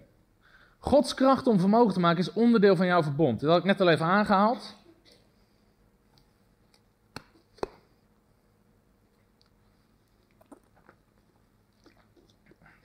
Dus ik, geef gewoon een heel breed kader met van alles en nog wat. Maar Gods, Gods kracht om vermogen te maken. God zegt, ik geef jou kracht, I give you the power to create. Om te scheppen, om iets te maken. En dat is onderdeel van het verbond. Daar staat weer die tekst uit Deuteronomium 8, maar je mag het even laten staan. Deuteronomium 8 vers 11. Wees op uw hoede, dat u de Heere God niet vergeet. Daar, en daardoor aan zijn geboden en bepalingen en verordeningen houdt. Want hij is die u kracht geeft om vermogen te maken. Waarom staat dat laatste deel er niet bij? Nou, dat staat het verkeerde. Hij, hij geeft u kracht om vermogen te maken. God geeft je kracht om vermogen te maken. Nou, wat is die kracht? Is ten eerste gewoon fysieke kracht, dat je je lichaam kan bewegen. God wil dat je gezond bent, dat je kan werken. Maar God geeft je ook creativiteit. Hij geeft je wijsheid. Hij geeft je inzicht om vermogen te maken. Dus God maakt prachtige, creatieve mensen naar zijn beeld. Dus 12 En jij bent prachtig gemaakt, je bent creatief gemaakt. Jij kan dingen verzinnen. Als je kijkt naar het geld op de hele wereld, 2% daarvan, al het geld dat in omloop is, wordt verdiend met grondstoffen. 98% wordt verdiend met wat de mens daarvan maakt. Hoe jij het ontwikkelt, hoe jij het uh, vormgeeft. Weet je, ik kan me niet herinneren dat ik naar de winkel ben gegaan om ijzererts te kopen. Toch? Er is iemand die heeft mee gewerkt, mee gemaakt, een product gemaakt van meerwaarde. En dat kunnen wij ook doen. Dus het gaat om creativiteit. Het gaat hoe je kan je hier instappen. En God zegt eigenlijk, ik geef je de kracht om vermogen te maken. Ik geef je de kracht om vermogen te maken. Ik geef, je, ik geef jou de capaciteit om meer te maken dan je nu hebt. Weet je, God gaf Adam geen stoel en tafel, hij gaf hem bomen. Ga het maken. Ga het maken. Verzin het. En jij hebt diezelfde capaciteit in je. Om dingen te verzinnen die er nog niet zijn. Om businessen, om iets te starten wat er nog niet is, zodat je vermogen kan maken. En dus we kunnen altijd kijken, hoe kan je dingen combineren dat het meer waard wordt? als je meel, melk en, uh, en eieren pakt en je bakt de pannenkoeken van en je begint de pannenkoekenhuis. De ingrediënten zijn heel goedkoop, zijn allemaal gegeven door God, maar jij maakt er iets van waar het meer waard wordt. En God geeft je creativiteit om vermogen te maken. En En ik geloof dat we hier veel meer in kunnen stappen. Dus ehm, met ons onderwijs, maar ook laatst uh, was er een seminar met Billy Epperhart, die ook op de business school komt lesgeven. En er zaten een paar mensen, die kregen zijn, tijdens zijn seminar één idee, wat ze vanaf een honderden duizend euro's per jaar oplevert. Het was een idee wat ze daar nog niet hadden. Het was een stuk creativiteit wat ze in één keer ontvingen. Een gedachte, iets wat ze uit gingen werken, wat ze nu geld oplevert. Daarvoor was het er niet. God geeft jou kracht om vermogen te maken. En op die manier gaan we nadenken. En ik geloof dat we het nog veel beter kunnen doen dan de Joden, want wij hebben de Heilige Geest. We hebben de wijsheid van God. We hebben de gaven van de Geest. Even heel simpel, ik zie Casper zit achter in de zaal, ik hou even Casper zijn voorbeeld aan. Ik vind het een heel mooi voorbeeld, gewoon over de gaven van de Geest. Casper heeft een bouwbedrijf, Hofwork, en hij vertelde, ze hadden ergens een pro, iets, uh, waterleidingen, systemen gelegd um, uh, op een soort binnenplaats en er was beton overheen gegoten, et cetera. Dus was af. En op een gegeven moment belde die eigenaar en hij zei van ja, het doet het niet, het is ergens kapot. Maar dat zit onder zo'n heel groot ding, ze konden niet zien waar. En ja, moet je alles vanaf het begin af aan gaan openbreken. Dat gaat heel veel geld kosten tot je het gevonden hebt. Dus Casper werd erbij geroepen en niemand kon het oplossen. En hij vroeg eigenlijk God, waar zit het? Heilige Geest, waar zit het? En God wees hem exact de plek aan. Hij zei, boor het hier maar open. Exact daar zat het lek, op die hele binnenplaats. En ze konden het repareren. En dan kan je makkelijk getuigen over de Heer. Amen. Maar mijn punt is, God geeft je kracht, wijsheid. Vaak moeten we op zo'n manier gaan denken. Wij zijn boven natuurlijke ondernemers. Je hebt de creativiteit van God. Was een, een profeet van God, en misschien ben je er helemaal niet mee bekend, maar profeten. En, en die, die, een heel interessant verhaal. En op een gegeven moment was hij in de hemel. God nam hem mee in de hemel. God liet hem allemaal dingen zien daar. God nam hem op reis en hij zegt, joh, er stonden warenhuizen, loodsen, de meest bizarre dingen. Op een gegeven moment zag hij een loods, die was zwaar bewapend. Overal stonden engelen omheen. En die, engel nam hem mee naar binnen. En er lagen allemaal een soort rollen van papier en er lagen zegels op. En sommige lagen in kluizen. En er gebeurde van alles daar. En hij zei, heer, wat is dit? En God zei, het zijn ideeën die op de aarde vrijgezet moeten worden voor mijn kinderen om te gaan ondernemen. God had blueprints klaar liggen in de hemel om dingen te gaan doen die zijn kinderen op konden gaan pakken om te gaan ondernemen. En, en ik geloof daarin. Er was een, er was een uh, uh, toen het Do of zoiets event. Uh, hij, hij, op een gegeven moment had een bedrijf en hij, hij was echt een gever. Hij gaf heel veel. En hij was die man die die graafmachines maakte. Misschien ken je het verhaal. Maar hij had een bedrijf wat graafmachines ontwikkelde en van die enorme shovels. En hij had allemaal, uh, allemaal mensen in dienst die dingen tekenden. Maar in de nacht gaf God hem een droom hoe de volgende machine eruit moest zien. En dan liep hij s morgens naar, naar door zijn personeel en zegt, ja, zo ziet het eruit. En dan tekende hij op het whiteboard en al die ingenieurs zaten kijken, hoe weet hij dat nou weer? Hij heeft er niet voor gestudeerd. Maar God gaf hem die blueprint in zijn droom. Weet je, God wil ons kracht geven om vermogen te maken, wijsheid. Een Salomo die boven natuurlijke wijsheid krijgt en daardoor zijn geld vermenigvuldigt. Een Jozef die geldstromen begint te beheren om het geld begint te verzamelen. Er is bovennatuurlijke kracht van de Heilige Geest beschikbaar om te ondernemen. Er is creativiteit beschikbaar om te ondernemen. En ik ken dus heel veel getuigenissen van mensen die gewoon onder dit soort onderwijs zitten, de auto naar huis rijden, een idee krijgen wat ze geld op begint te leveren. En als laatste, dus hoe God denkt over geld. God heeft een systeem van vermenigvuldiging. En dit is heel grappig, want dit is gewoon uiteindelijk een systeem hoe je een bedrijf bouwt. En dat is Gods systeem, wat hij al in de eerste 30 versen van de Bijbel heeft gezegd. Genesis 1, vers 26 tot 28. Hij is misschien niet goed te lezen, maar dan heeft God de mens gemaakt. En dan zegt de en hij zegende hen. Dus God, het allereerste wat God deed, plaatst zijn zegen op de mens. En dan staat er, dan zegt God, uh, wees vruchtbaar, word talrijk, vervul de aarde, onderwerp haar en heers. Even uh, tot zover. Dus hier zie je weer eigenaarschap. Eigenaarschap. En heel vaak is het toegepast, ja, wees vruchtbaar, word talrijk, kinderen maken. Daar is het een beetje toegepast.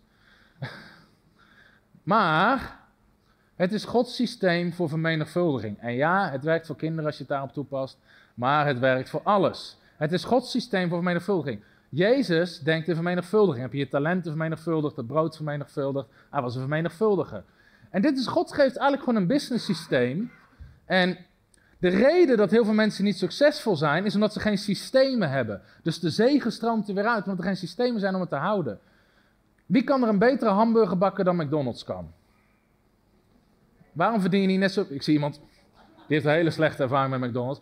Waarom verdien je niet zoveel, niet zoveel geld als de eigenaar van McDonald's? als jouw hamburger beter is?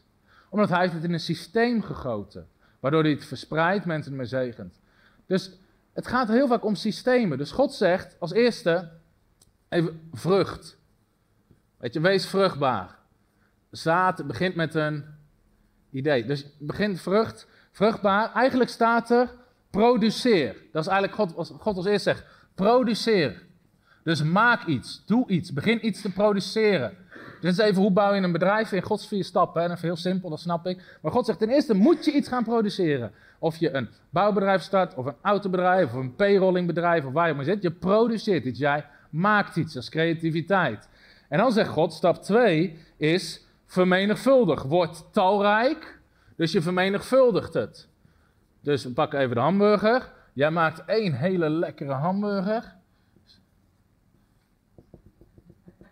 Zo. Dan zegt God, hey, dat moet je gaan vermenigvuldigen. Ik heb alleen vermenigvuldigen opgeschreven. Dat moet talrijk worden. Dus je moet, ja, één kan je verkopen is het op. Dus je moet een concept maken, een recept maken dat je heel veel hamburgertjes hebt. Ik teken ze even heel simpel. Dus McDonald's gaat mij niet aannemen als tekenaar voor hun hamburgers. Maar je moet er meer van gaan maken. Je moet het gaan vermeerderen. Dus je moet altijd gaan kijken, kijken hoe kan ik de zegen vermeerderen. Word productief, produceer iets, vermenigvuldig het, maak het groter, maak er meer van. En dan zegt God, vervul de aarde. Dus verspreid het. Verspreid het. Dus je moet het gaan verkopen en je moet het zoveel mogelijk gaan verspreiden. Dus je kan ze op één plek verkopen, dan verdien je op één plek geld. Maar je kan ze ook op tien plekken misschien wel verkopen. Dan verdien je op tien plekken geld. Dus je moet altijd kijken, kan ik wat ik heb vermenigvuldigen? Of ben je gelimiteerd door wat je hebt? Dus dat is een van de redenen waarom ik hou van media. Dus we hebben een videostudio. Iedere dinsdagavond zenden we uit. Dit wordt opgenomen.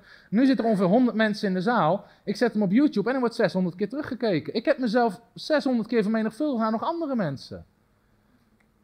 Dus je moet altijd denken in vermenigvuldiging.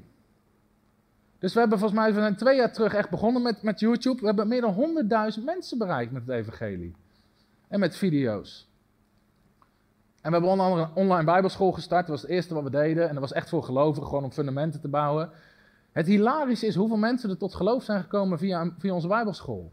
Dat mensen mailden ons, ja, ik was helemaal geen christen, maar ik kom jullie bijbelschool tegen. En nu wil ik naar de kerk. denk je, hè? Weet je wel, maar die zitten te YouTube, wie is God, wie is Jezus, komen bij je bijbelschool, ze komen tot geloof, et cetera. Dat is heel grappig. is gewoon leuk, want daar was hij niet voor gemaakt.